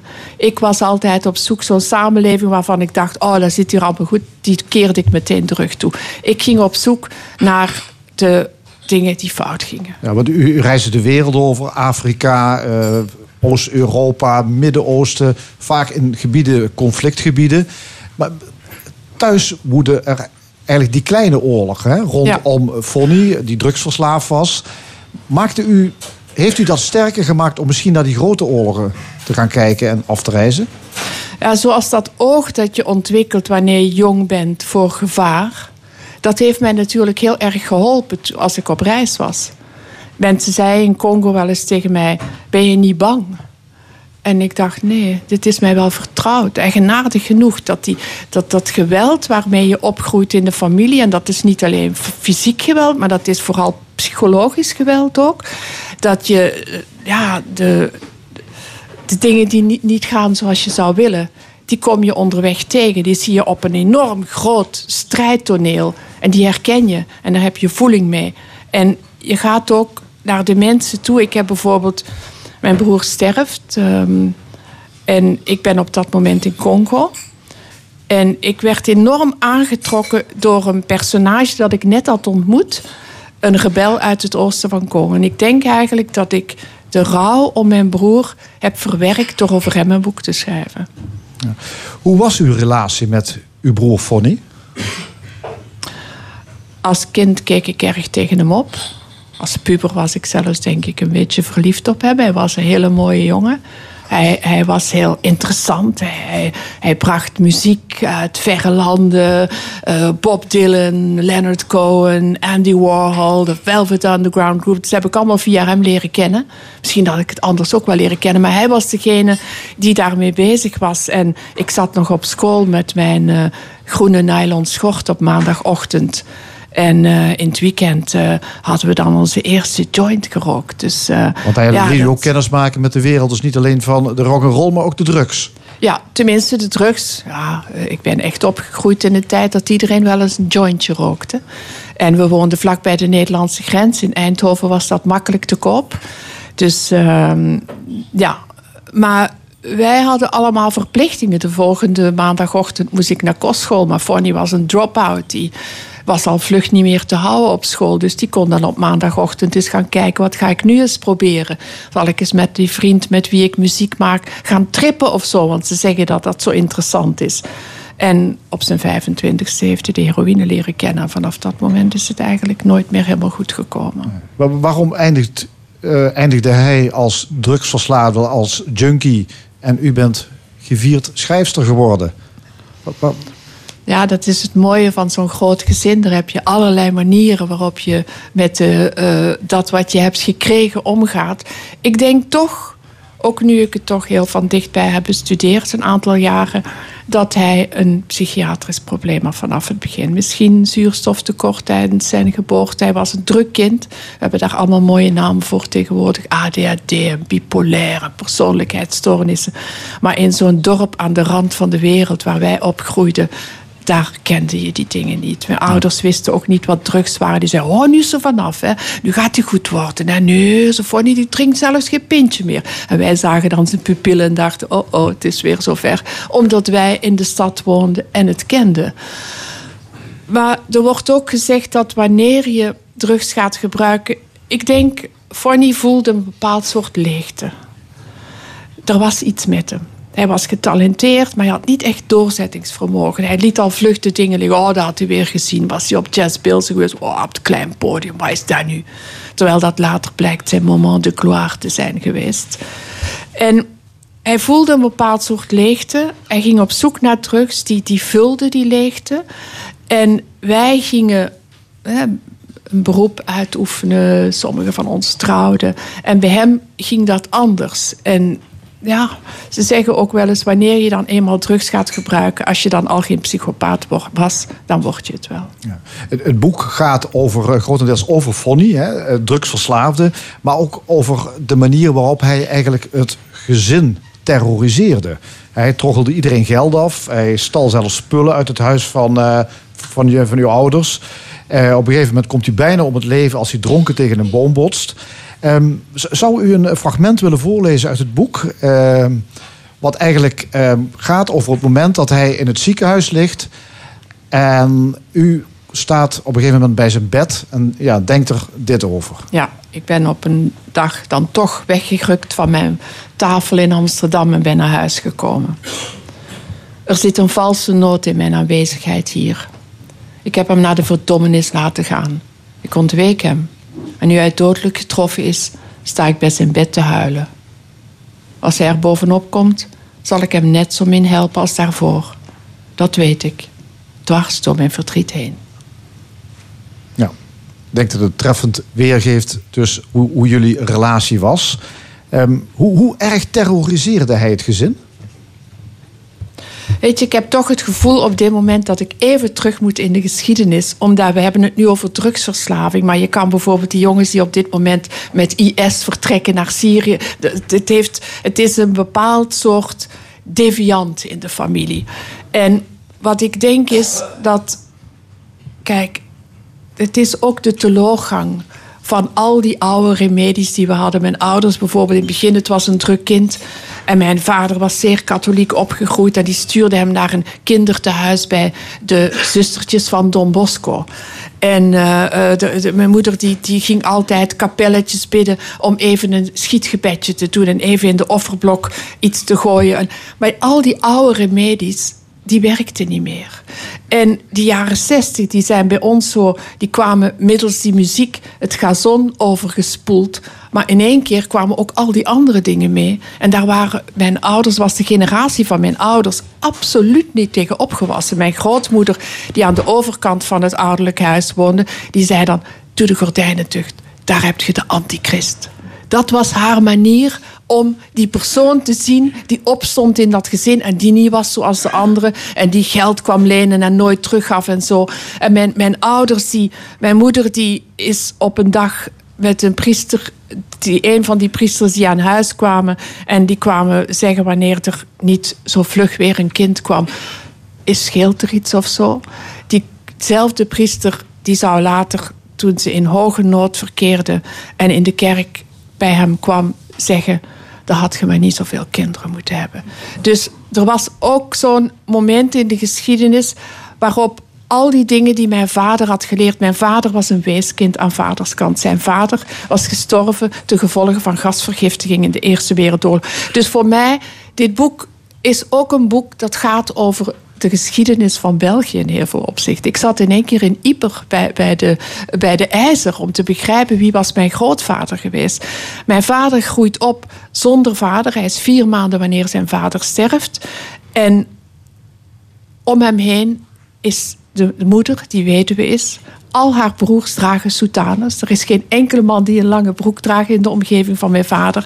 En een van zijn idolen uit zijn jeugd is Nonk Schaarzaliger, die vroeg zal sterven, die dokter in de godgeleerdheid is, die hem de gedichten van Rielke en Heine leert kennen en die sterft wanneer mijn vader negen jaar is. En die man, godsvruchtig opgegroeid, komt een meisje tegen van de grote hei aan de overkant in Neerpelt. En die zegt, ik wil een groot gezin. En zij ook. Want ze heeft er al eentje afgedankt die maar één kind wilde.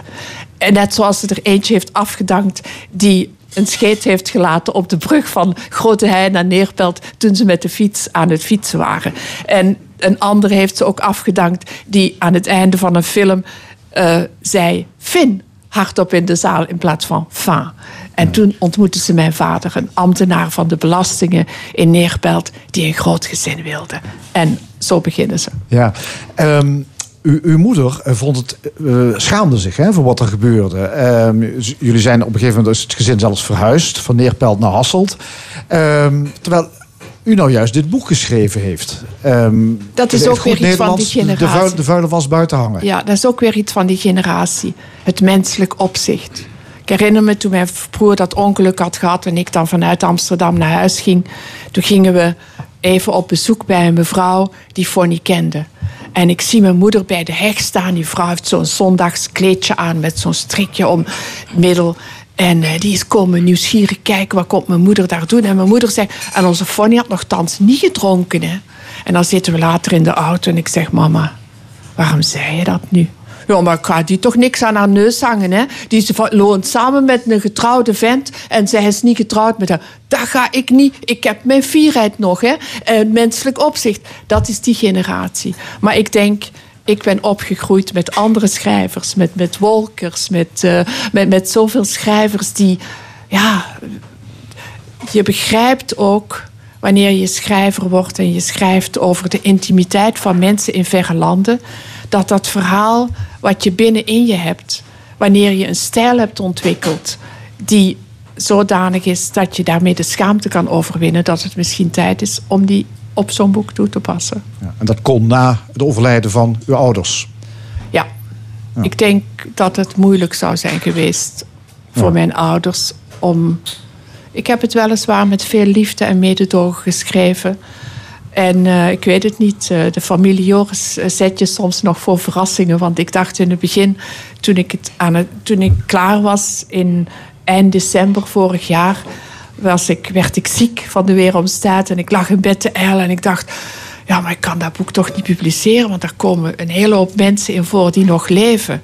Maar tot mijn eigen verbazing en ook waar grote vreugde zat de hele familie Joris op de presentatie in Brussel afgelopen maand. Ja. Dus wie weet zou mijn vader dit boek ook hebben kunnen ja. accepteren. Ja. U, uw ouders zaten jarenlang dus met uw broer uh, in huis, een junk. Uh, hij, nou, hij, hij, hij, dronk, hij gebruikte drugs, hij uh, stal spullen, hij, hij, ja, hij beloog mensen dat was in de tijd dat u zelf reizen maakte uh, over de hele wereld, boeken schreef uh, daarover. Was dat moeilijk? Was dat een vlucht ook in zekere zin? Neemt u zichzelf iets kwalijk? Nee. Nee. Je kan niet tegelijkertijd een cake hebben en er een stuk van gegeten hebben. You can't have your cake and eat it too. Het is net zoiets als wanneer mensen tegen mij zeggen: Heb je geen spijt dat je geen kinderen had gehad? Ik weet heel goed dat het talent dat ik had, ik denk dat Fonny meer talent had dan ik. Dat ik het talent dat ik had 100% moest gebruiken. En dat ik dat niet kon verdelen tussen kinderen hebben, uh, mij 100% met de familie bezighouden. En wij hebben allemaal, want bijvoorbeeld ik zag bij mijn broer en zus die dan in Hasselt woonden, waar mijn ouders dan later woonden, die schermden zich ook af.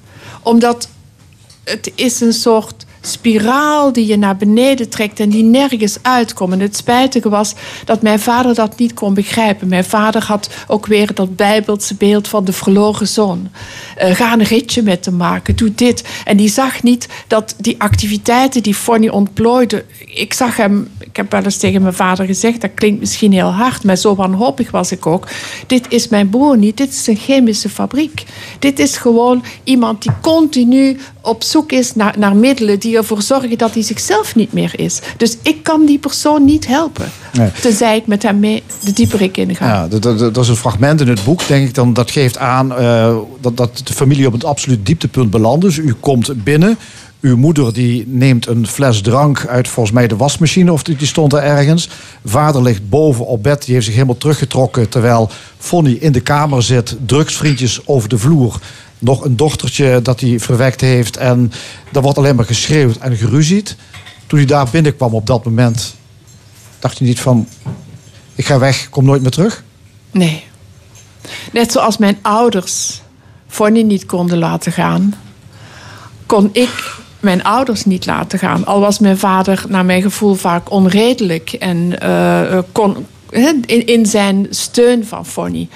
Maar er is ook een moment waarop wij gewoon om de beurt Fonny thuis gingen uitroken. Omdat hij aanspoelde in het ouderlijk huis. En we dachten, hij moet naar een afkikkliniek of waar hij ook maar geholpen kan worden. Dus wat ga je dan doen? Dan ga je naar huis om je ouders te helpen. En uh, dat lukt niet altijd, want uh, Mijn jongere broer, die uh, summa cum laude is afgestudeerd in de rechten. Het eerste wat hij gedaan heeft, is de familieraad bijeengeroepen en een collocatieverzoek, uh, dus een verzoek tot gedwongen opsluiting, uh, aan de rechter gestuurd en proberen ons dat te laten ondertekenen. Uiteindelijk is het daar nooit van gekomen. Omdat je ook voelt, ja, je kan niet zomaar. Die, die, die, die broer van ons zit met zoveel draadjes aan zijn vader, aan zijn moeder, aan ons allemaal vast. Je kan hem niet isoleren. Dat is, wanneer wij wat meer begonnen te leren over uh, psychologie, werd er ook wel eens gezegd: wanneer er iets fout gaat in de familie, dan moet de hele familie in therapie. Ja. Het boek is af, het ligt er nu, het familieverhaal is verteld. Vreemd gevoel? Um, een gevoel van opluchting aan de ene kant. Omdat ik wel vaak heb gedacht, ik ga dat verhaal niet schrijven. Ik reis daaromheen. Maar nu ik het geschreven heb, ben ik wel opgelucht. Een collega-schrijver van mij in Frankrijk, die zei ja dat is de pot confituur die in het depot staat bij mij. Daar ga ik niet zomaar van snoepen, maar jij hebt hem opgegeten. Dat heb ik dus nu gedaan. Um, ik bol altijd zo heel langzaam uit. Hè. Ik ben nu het boek aan het publiceren, aan het, aan het presenteren in België en Nederland. De Franse vertaling die staat op stapel, daar help ik bij. Vervolgens presenteer ik het in Frankrijk. En dan ga ik al die achterstallige dingen doen. Ik zou graag weer eens naar Mali gaan, naar Senegal, naar, naar vrienden opzoeken in Congo, naar Egypte, waar ik lang niet meer. We zijn twee jaar verder voordat ik moet nadenken over wat ik hierna ga doen. Het boek Terug naar Neerpelt is te koop in de boekhandel. Dank u wel, lieve Joris. Ja. Straks in de stemming de column en het discussiepanel met Monique Quint, Karel Leunissen en Jan de Wit. Eerst gaan we luisteren naar Good Company, een semi-akoestische zesmansformatie. Dit wordt hun laatste nummer, een eigen compositie van zanger-gitarist Wil Nelemans. Secretly in Love.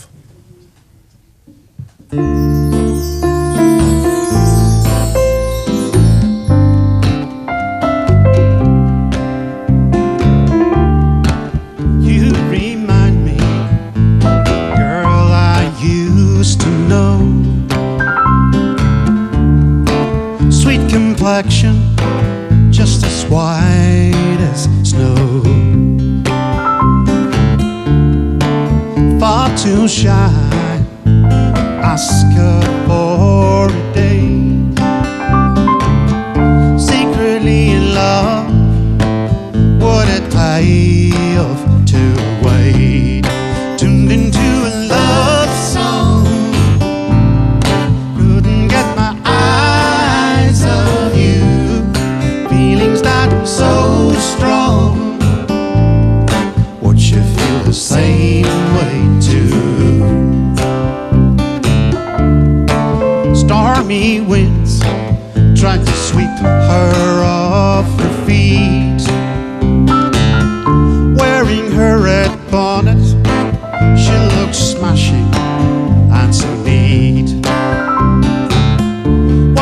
particular morning, a hand waved up to me.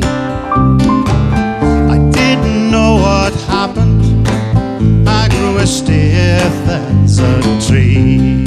Tuned into a love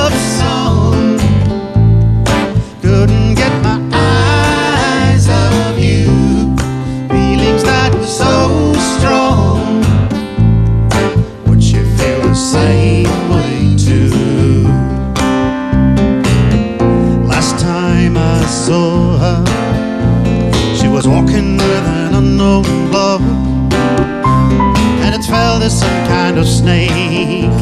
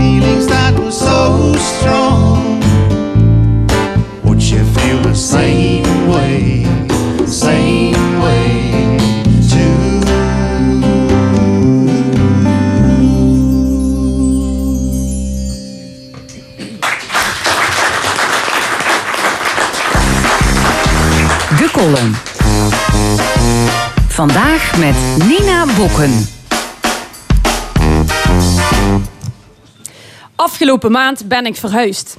Bij het leeghalen van mijn koopwoning besefte ik opnieuw dat niks eigenlijk echt je bezit is. Alles is bruikleen. Welke woning dan ook, zelfs een graf, is een tijdelijke verblijfsomgeving, hoeveel geld je ook tegenaan smijt. Het is iets vergankelijks. Een verhuizing betekent wennen aan een nieuwe context waarin dingen een andere betekenis krijgen. Een thuis is geen pand, het is eigenlijk een tijdelijke plek met een gunstig vestigingsklimaat. En dat blijkt voor mensen een stuk essentiëler dan voor bedrijven, zo bewees Unilever. Ondanks de voorspellingen van weerman Rutte verhuisde het bedrijf toch niet naar Nederland. Dividendbelasting toch. Rutte kon niet anders dan het afschaffen ervan terug te draaien. Het geld ging dan maar gewoon naar het bedrijfsleven. Ander klimaat doet er namelijk niet zo toe. Hoewel menig wetenschapper aan de noodklok hangt, wordt de burger nog steeds aangesproken op dat wat in zijn eigen gezichtsveld ligt. In dit geval de wassen neus. Dat het allemaal wel goed komt wanneer we slechts drie minuten douchen en een paar zonnepanelen op het dak plaatsen. Dat terwijl ondertussen de industriële veebedrijven en multinationals not in hun own backyard dood en verderf zaaien. Ter land, ter zee en in de lucht. Klimaatdoelen zijn als blokkeervriezen. Ze zijn lastig en ze staan in de weg. De Ver van je bedshow lijkt ook in Limburg steeds dichterbij te komen. Sittard Geleen staat in de top 10 van Nederlandse steden met de meeste CO2-uitstoot. Hoewel je in Maastricht en Meersen nu al moet uitkijken dat je je hoofd niet stoot aan een vrachtvliegtuig. Hé, wat zeg je? Een vrachtvliegtuig! Heeft onze premier nog meer fijnstofambities voor deze plek?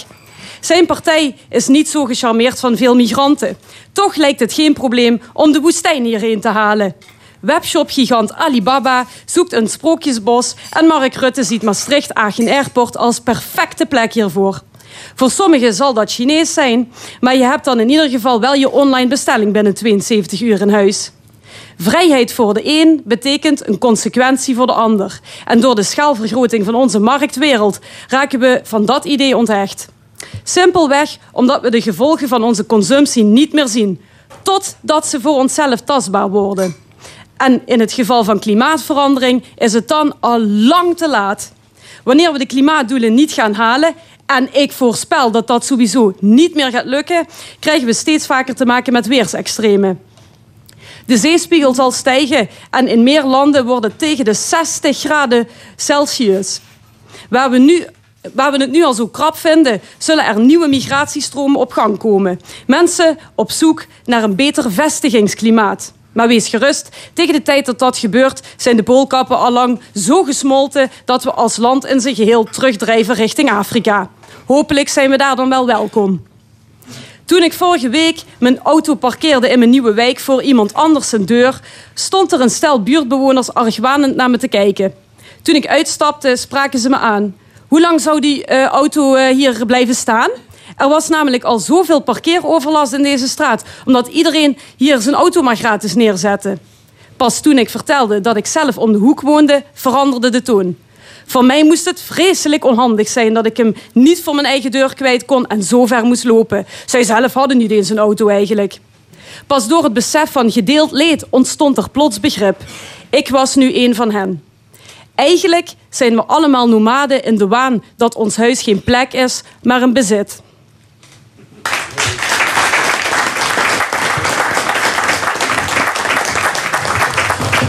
Nina Bokken. En inmiddels zijn hier de leden van ons opiniepanel aangeschoven. Dat zijn vandaag de oud-Tweede Kamerleden Monique Quint van de Partij van de Arbeid... en Jan de Wit van de SP. En oud-Eerste Kamerlid Karel Leunissen van het CDA. Welkom, alle drie. Ja, gisteren is uh, um, oud-minister-president Wim Kok overleden. Kok debuteerde als minister in het kabinet Lubbers 3. Hij was toen minister van Financiën en vicepremier. Dat was in 1989. Monique Quint, toen kwam jij voor de Partij van de Arbeid in de Tweede Kamer. Uh, hoe was je eerste kennismaking met, uh, met Kok? Nou, als ehm, groen Kamerlid, in de zin van dat je pas binnenkomt is de laatste waarmee je gelijk in contact komt wel de partijgenoot die ook tot minister van Financiën ooit een keer zijn gebeurd, neem ik aan, of niet? Jawel, partijleider? Um, dat is natuurlijk wel gebeurd. Maar als je me vraagt, wat, wat is nou uh, voor mij als, als persoon... in de, de politiek eh, het meest eh, bijgebleven als ik aan Wim Kok denk. Dan moet ik er toch een Limburger bij halen. Want Thijs Wiltrens was in mijn tijd fractievoorzitter. En waar ik in al die tijd met verbijstering naar heb zitten kijken... en dat heeft iets te maken met waarom Joep Leers in deze uitzending... over zijn eh, meesterwerk eh, aan het woord is geweest. Ik heb daar twee culturen zien botsen, dat wil je niet weten. Aan, aan de ene kant Wim Kok. Ongelooflijk eh, precies en rechtlijnig. En eh, heel gewetensvol. En eh, nou niet bepaald een grapjas, laat ik het maar zo zeggen. En Thijs Wultgens, die ehm, altijd behoefte had aan een prettige sfeer. Het moest ook nog wel gezellig zijn, zal ik maar even zeggen. Ehm, op zijn tijd een pilsje en als het nodig was, zo'n heel klein glaasje ernaast. Ehm, die twee mannen, daar heb ik met verbazing naar zitten kijken. Hoe die met elkaar ehm, zaken moesten doen, want dat was natuurlijk zo. En hoe dat iedere keer opnieuw tot een fenomeen leidde waar ik als. ehm, ik woonde hier, ik woonde in Zuid-Limburg, maar ik kom uit Rotterdam. Dus ik heb daar naar zitten kijken met zo'n. Komt deze clash ooit goed? Ehm, naderhand heb ik geconstateerd dat eh, ook Wim Kok een wereldburger werd. Dus, dus je zag in de loop van de tijd zag je deze man ehm, in zijn hele uitingsgedrag een enorme metamorfose ondergaan. En dat kwam natuurlijk door eh, de functie die hij had. Ja, maar laten we even blijven bij dat kabinet Lubbers 3.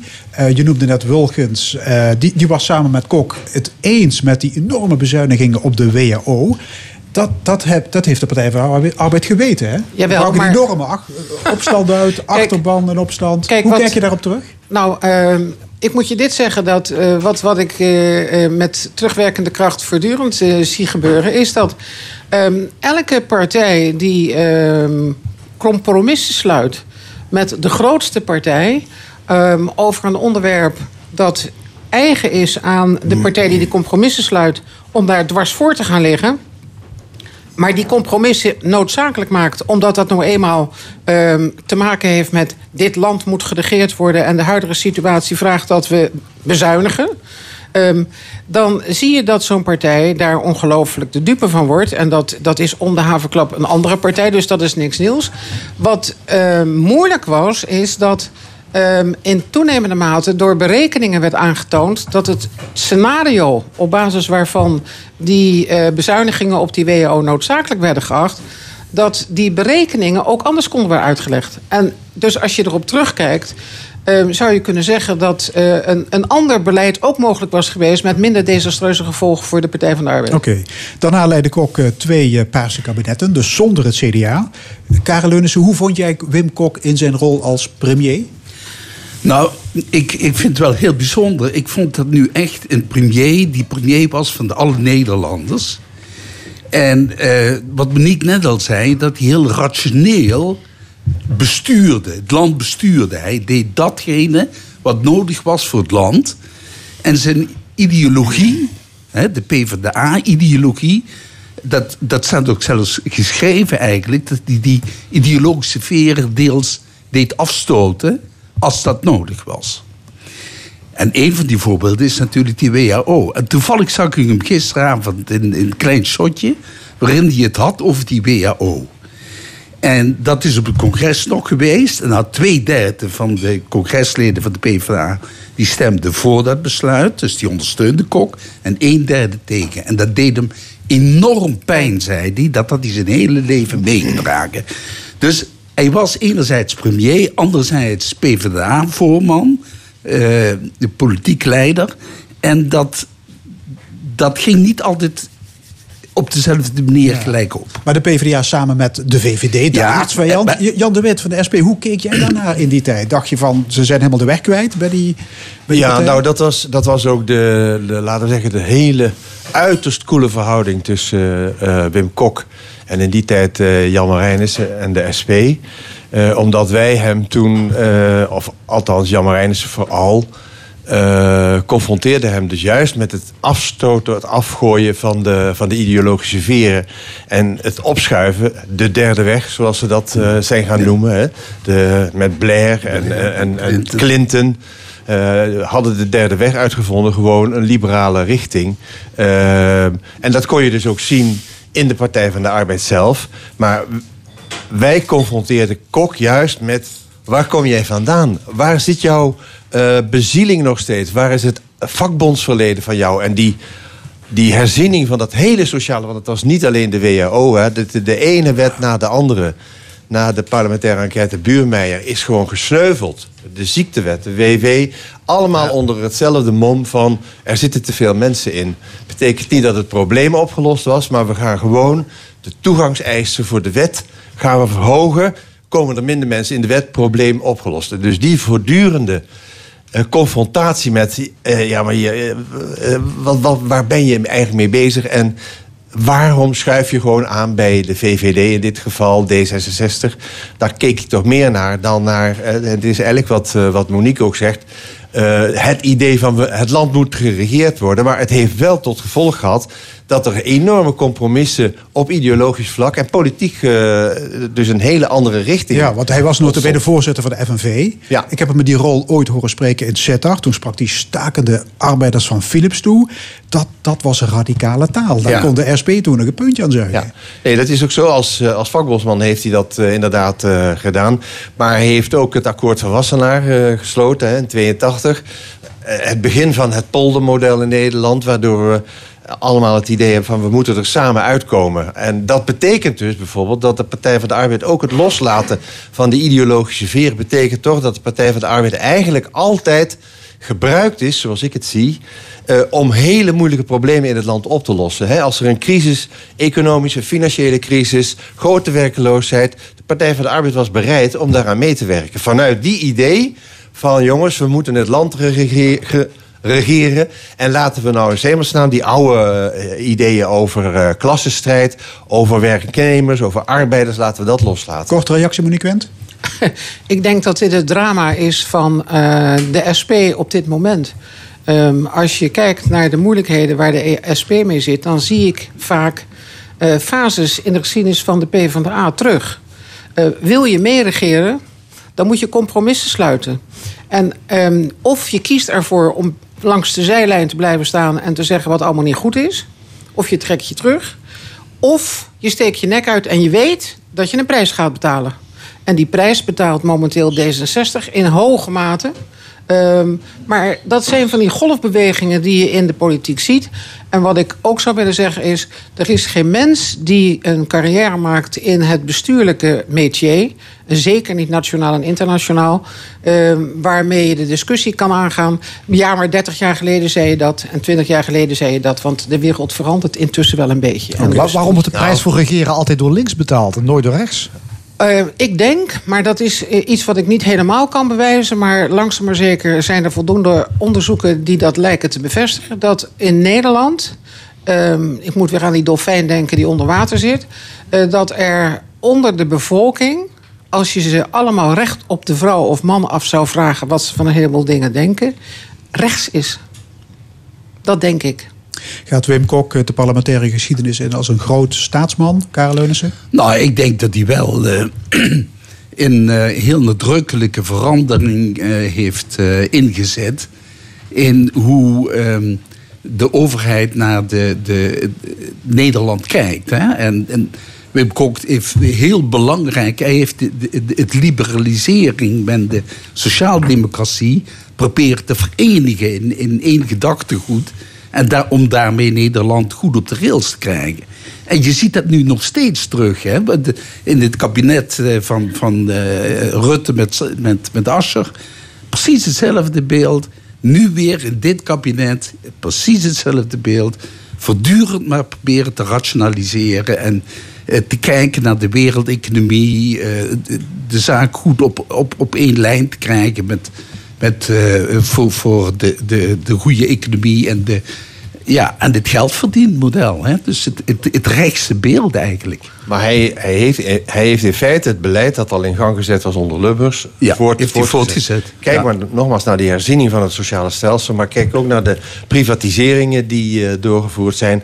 waarvan nu toch op veel vlakken mensen toch in brede kring zeggen van... is dat allemaal wel goed eh, wat wij geprivatiseerd hebben in Nederland... en eh, zijn de effecten niet nadeliger dan wat ons ooit Dus voorgeschreven in de loop der Dus tijd is dat, is dat linkse ervan afgegaan. Hij is trouwens ook geëindigd als commissaris van Shell en ING. Ja, maar eh, dat is ook weer zoiets. Wil, wil dat dan zeggen dat die man qua opvatting eh, anders dacht als dat hij ooit hardop zei? Ehm, dat is precies diezelfde redenering. Mag je wanneer je overtuigd bent van de belangen van de werknemers en je hebt die ongelooflijke kennis en ervaring opgedaan als premier, ook nationaal en internationaal. Is het dan niet belangrijk dat je ook op dat soort niveaus probeert invloed uit te oefenen op een zo goed mogelijke uitkomst van een discussie? Ik, ik vind dat altijd een beetje klein in Nederland. Daarom kijk ik graag naar Helmoet Schmid. Dat was ook zo'n man die aan het eind van zijn carrière eh, al lang de vader van alle Duitsers was. En eh, bijna de jeugd wist niet meer dat die man ooit SPD'er was. Omdat hij te nationaal was in zijn redenering. Als je die in interviews zag op de Duitse televisie, dan, eh, dan was dat een, een staatsman die daar aan het woord was. En, Ja, maar en ja, niet een partijman. Maar, Kok was de man van de exhibitionistische verrijking. Hè, die dus vuil pleitte tegen al die eh, mensen die de zakken zitten te vullen. Commissaris van de ING. Eenmaal, eenmaal commissaris van de ING. Hè, dus dat is hij toch ja, geworden. ja, Maar 30.000 gulden of euro. Ik weet Jan, niet je kan het duizend, je kan het, je zei hij kan van. het, Maar dat was- je kan dat het was dus duizend keer herhalen en dan plug je het weer lekker. Ja. Maar ik eh, heb niet het beeld dat eh, Wim Kok, eh, toen hij ouder werd en niet meer iedere dag eh, aan het front meevocht in de politiek, dat hij plotseling zat te genieten van een paar miljoen die hij had opgestreken als commissaris van de ING. Wat hij met dat geld gedaan heeft, kan ik niet eh, beoordelen. Nee, maar het gaat over het hoe is- consequent ben je in, de, in je, in je, in je Ook- uitingen en Nou, in je de- gedrag. Dat is de uitleg die hij daarover gaf was dat hij vond dat hij eh, zijn kennis en kunde ten dienste moest stellen van deze grote bedrijven die het, het, eh, het, eh, de economie in het land hoog hielden. Bovendien, hij was werknemerscommissaris. En hij was net Ja. werknemerscommissaris. Ja, en hij dat wilde zich inzetten voor het behoud Gelet van op wat er rond ING Maar- gebeurde in die tijd Maar- en Maar gebeurd hij wilde is. zich ook inzetten voor enorme salaris aan de top. Ja. Toch, hè? Nee, precies. Ja, Dat dat was allemaal zo. Nee, dat waren besluiten van de commissaris. Ja, ja, ja, ja. Nee, nee, nee. Frank. Tuurlijk. Ja. Eh, ander onderwerp. Eh, Nina Bokker had het er ook al over in haar column. Eh, Limburg maakt nog steeds kans op een eh, distributiecentrum van de Chinese webwin- webwinkel Alibaba. Weert en het vliegveld Beek, die zouden nog mogelijke kandidaten zijn. Ehm, ja, wat zou zo'n bedrijf ons kunnen bieden? Veel ellende, denk ik. Ja, lijkt me ook. Ehm, weet je wat, wat me iedere keer opvalt als ik eh, weer zo'n verhaal tegenkom over wat zich zou lenen om bij dat vliegveld hier eh, zich te vestigen? Dat de mensen wonen er. Die gemeenschappen die zijn er al sinds eh, eeuwen. Daar is ooit een klein vliegveld tussen gelegd. Eh, om een heleboel redenen die begrijpelijk zijn.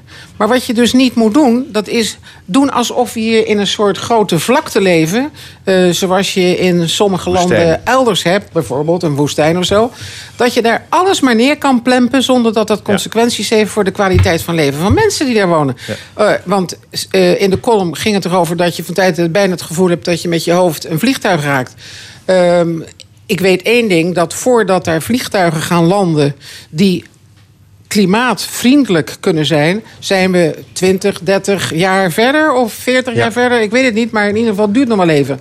En al die tijd is het leefklimaat om dat vliegveld, als daar een Alibaba met z'n 40 rovers komt zitten, ehm, is onbewoonbaar geworden. Ja, de, dak- Ja, en de dakpannen die het verhaal- plakken nu al tegen de vliegtuigen Het verhaal dus, van eh, de werkgelegenheid steeds. Hè, de 180.000 vierkante meter. Eh, dat, dat moet veel werkgelegenheid. Nou, nada waarschijnlijk. Omdat die hele distributiesector... die wordt volstrekt gerobotiseerd. Hè, dus wat daar binnenin gebeurt... dat biedt bijna geen werk aan eh, zeg maar mensen die een baan eh, zoeken. En de overlast als gevolg van vrachtwagens en van vrachtverkeer, ja, die is natuurlijk eh na van hand veel en veel groter. Als je dat combineert met Luik, het vliegverkeer op Luik. En ook nog eens een keer de AWAX en Corendon. Nou, dan heb je het hele verhaal eh, compleet. Dan wordt het hier één grote kerosine uh, Maar- Karel dus heb jij misschien nog goede woorden over voor Alibaba? Ik heb goede woorden over voor Alibaba, ja. Ik denk dat, dat wij eh, dat vliegveld Maastricht-Arken Airport... Dat heeft tientallen jaren in de ellende verkeerd. Daar werd geen cent verdiend. Er moest alleen maar geld in. Dat wilde niet van de grond komen.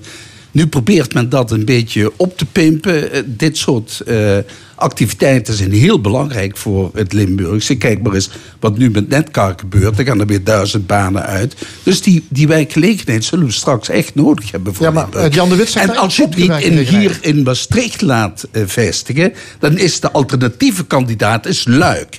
Luik ligt 10 kilometer van mijn huis af, Bierset. En als we. Oh, begrijp de dan heb ik de, de, de lasten, maar niet de lusten. Ja. Want dan komen al die vliegtuigen die komen over Maastricht, IJsden heen. En die vliegen dan zo in een lust naar toe. Karel, dus- dus de ellende hebben we toch van de geluidsoverlast en dergelijke Nee, maar mee. daar Ja, maar dan- zou je dan- laten we dan, naast die lasten, laten we dan ook een beetje profiteren van de lusten. Ja, maar- die dat maar- Alibaba Ja, vestigt. ja, maar, maar ook econoom Bart Verspagen, die hier onze analist is, die zei deze week...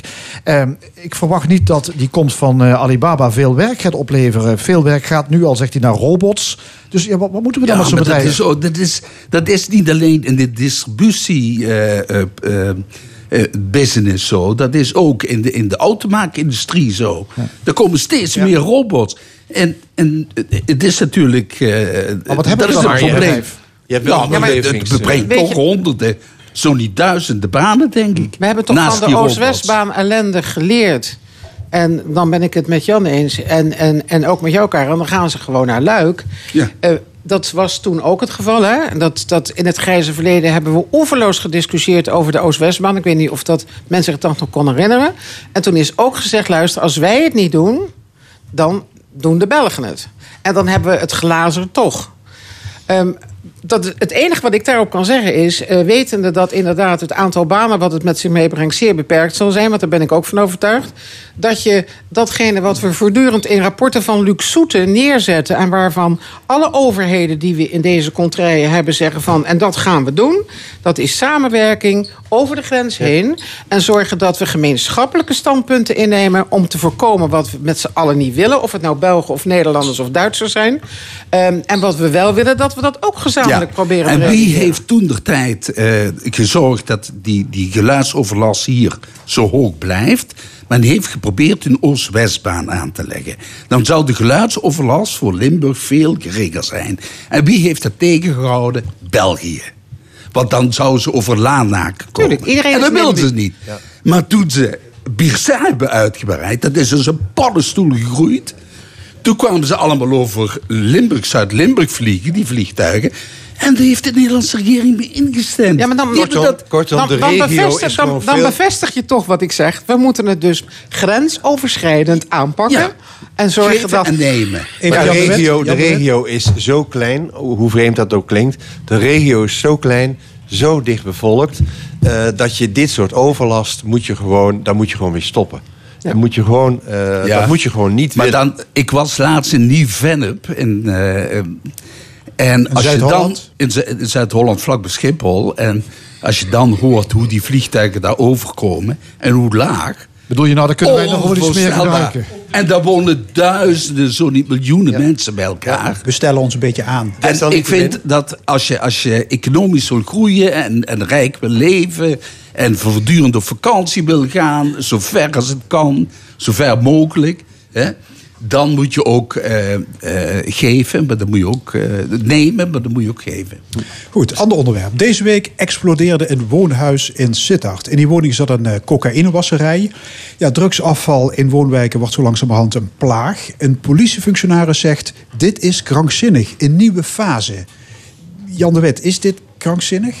Eh, ja, het is ook gewetenloos wat er, eh, wat er gebeurt.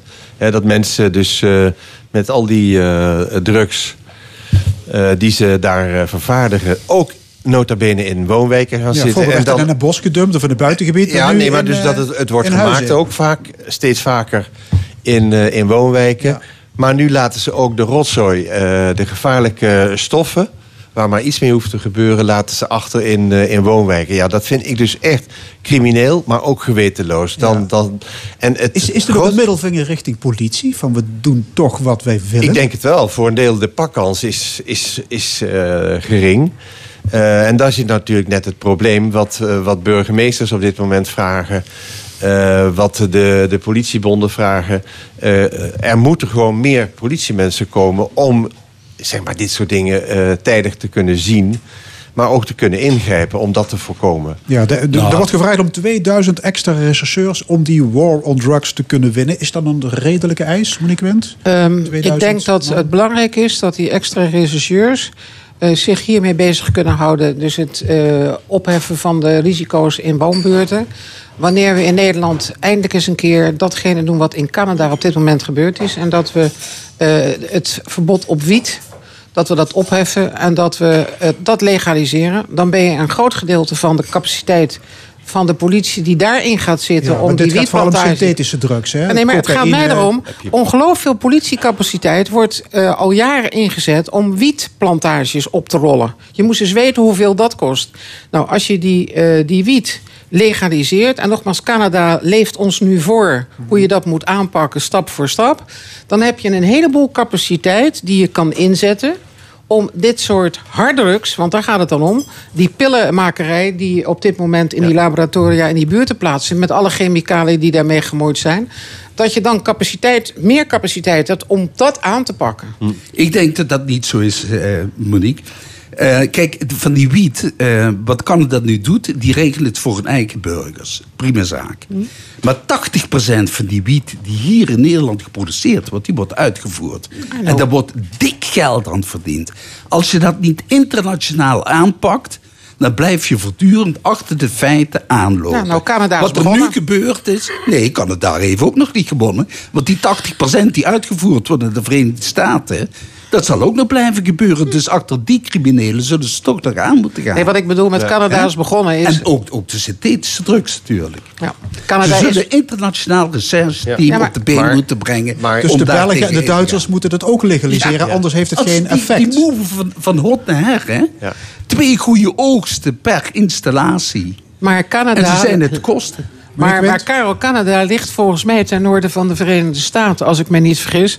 Dus Ja, als, niks mee Ja, nee, maar als, als Canada dus het voorbeeld geeft hoe je als grote mogendheid, door het op een bepaalde manier eh, uit te rollen, hè, want het is een heel beleid met allerhande soorten van aspecten, eh, dan kan ik mij voorstellen dat je internationaal binnen een aantal verbanden waar men samenwerkt op criminaliteitsbestrijdingsniveau.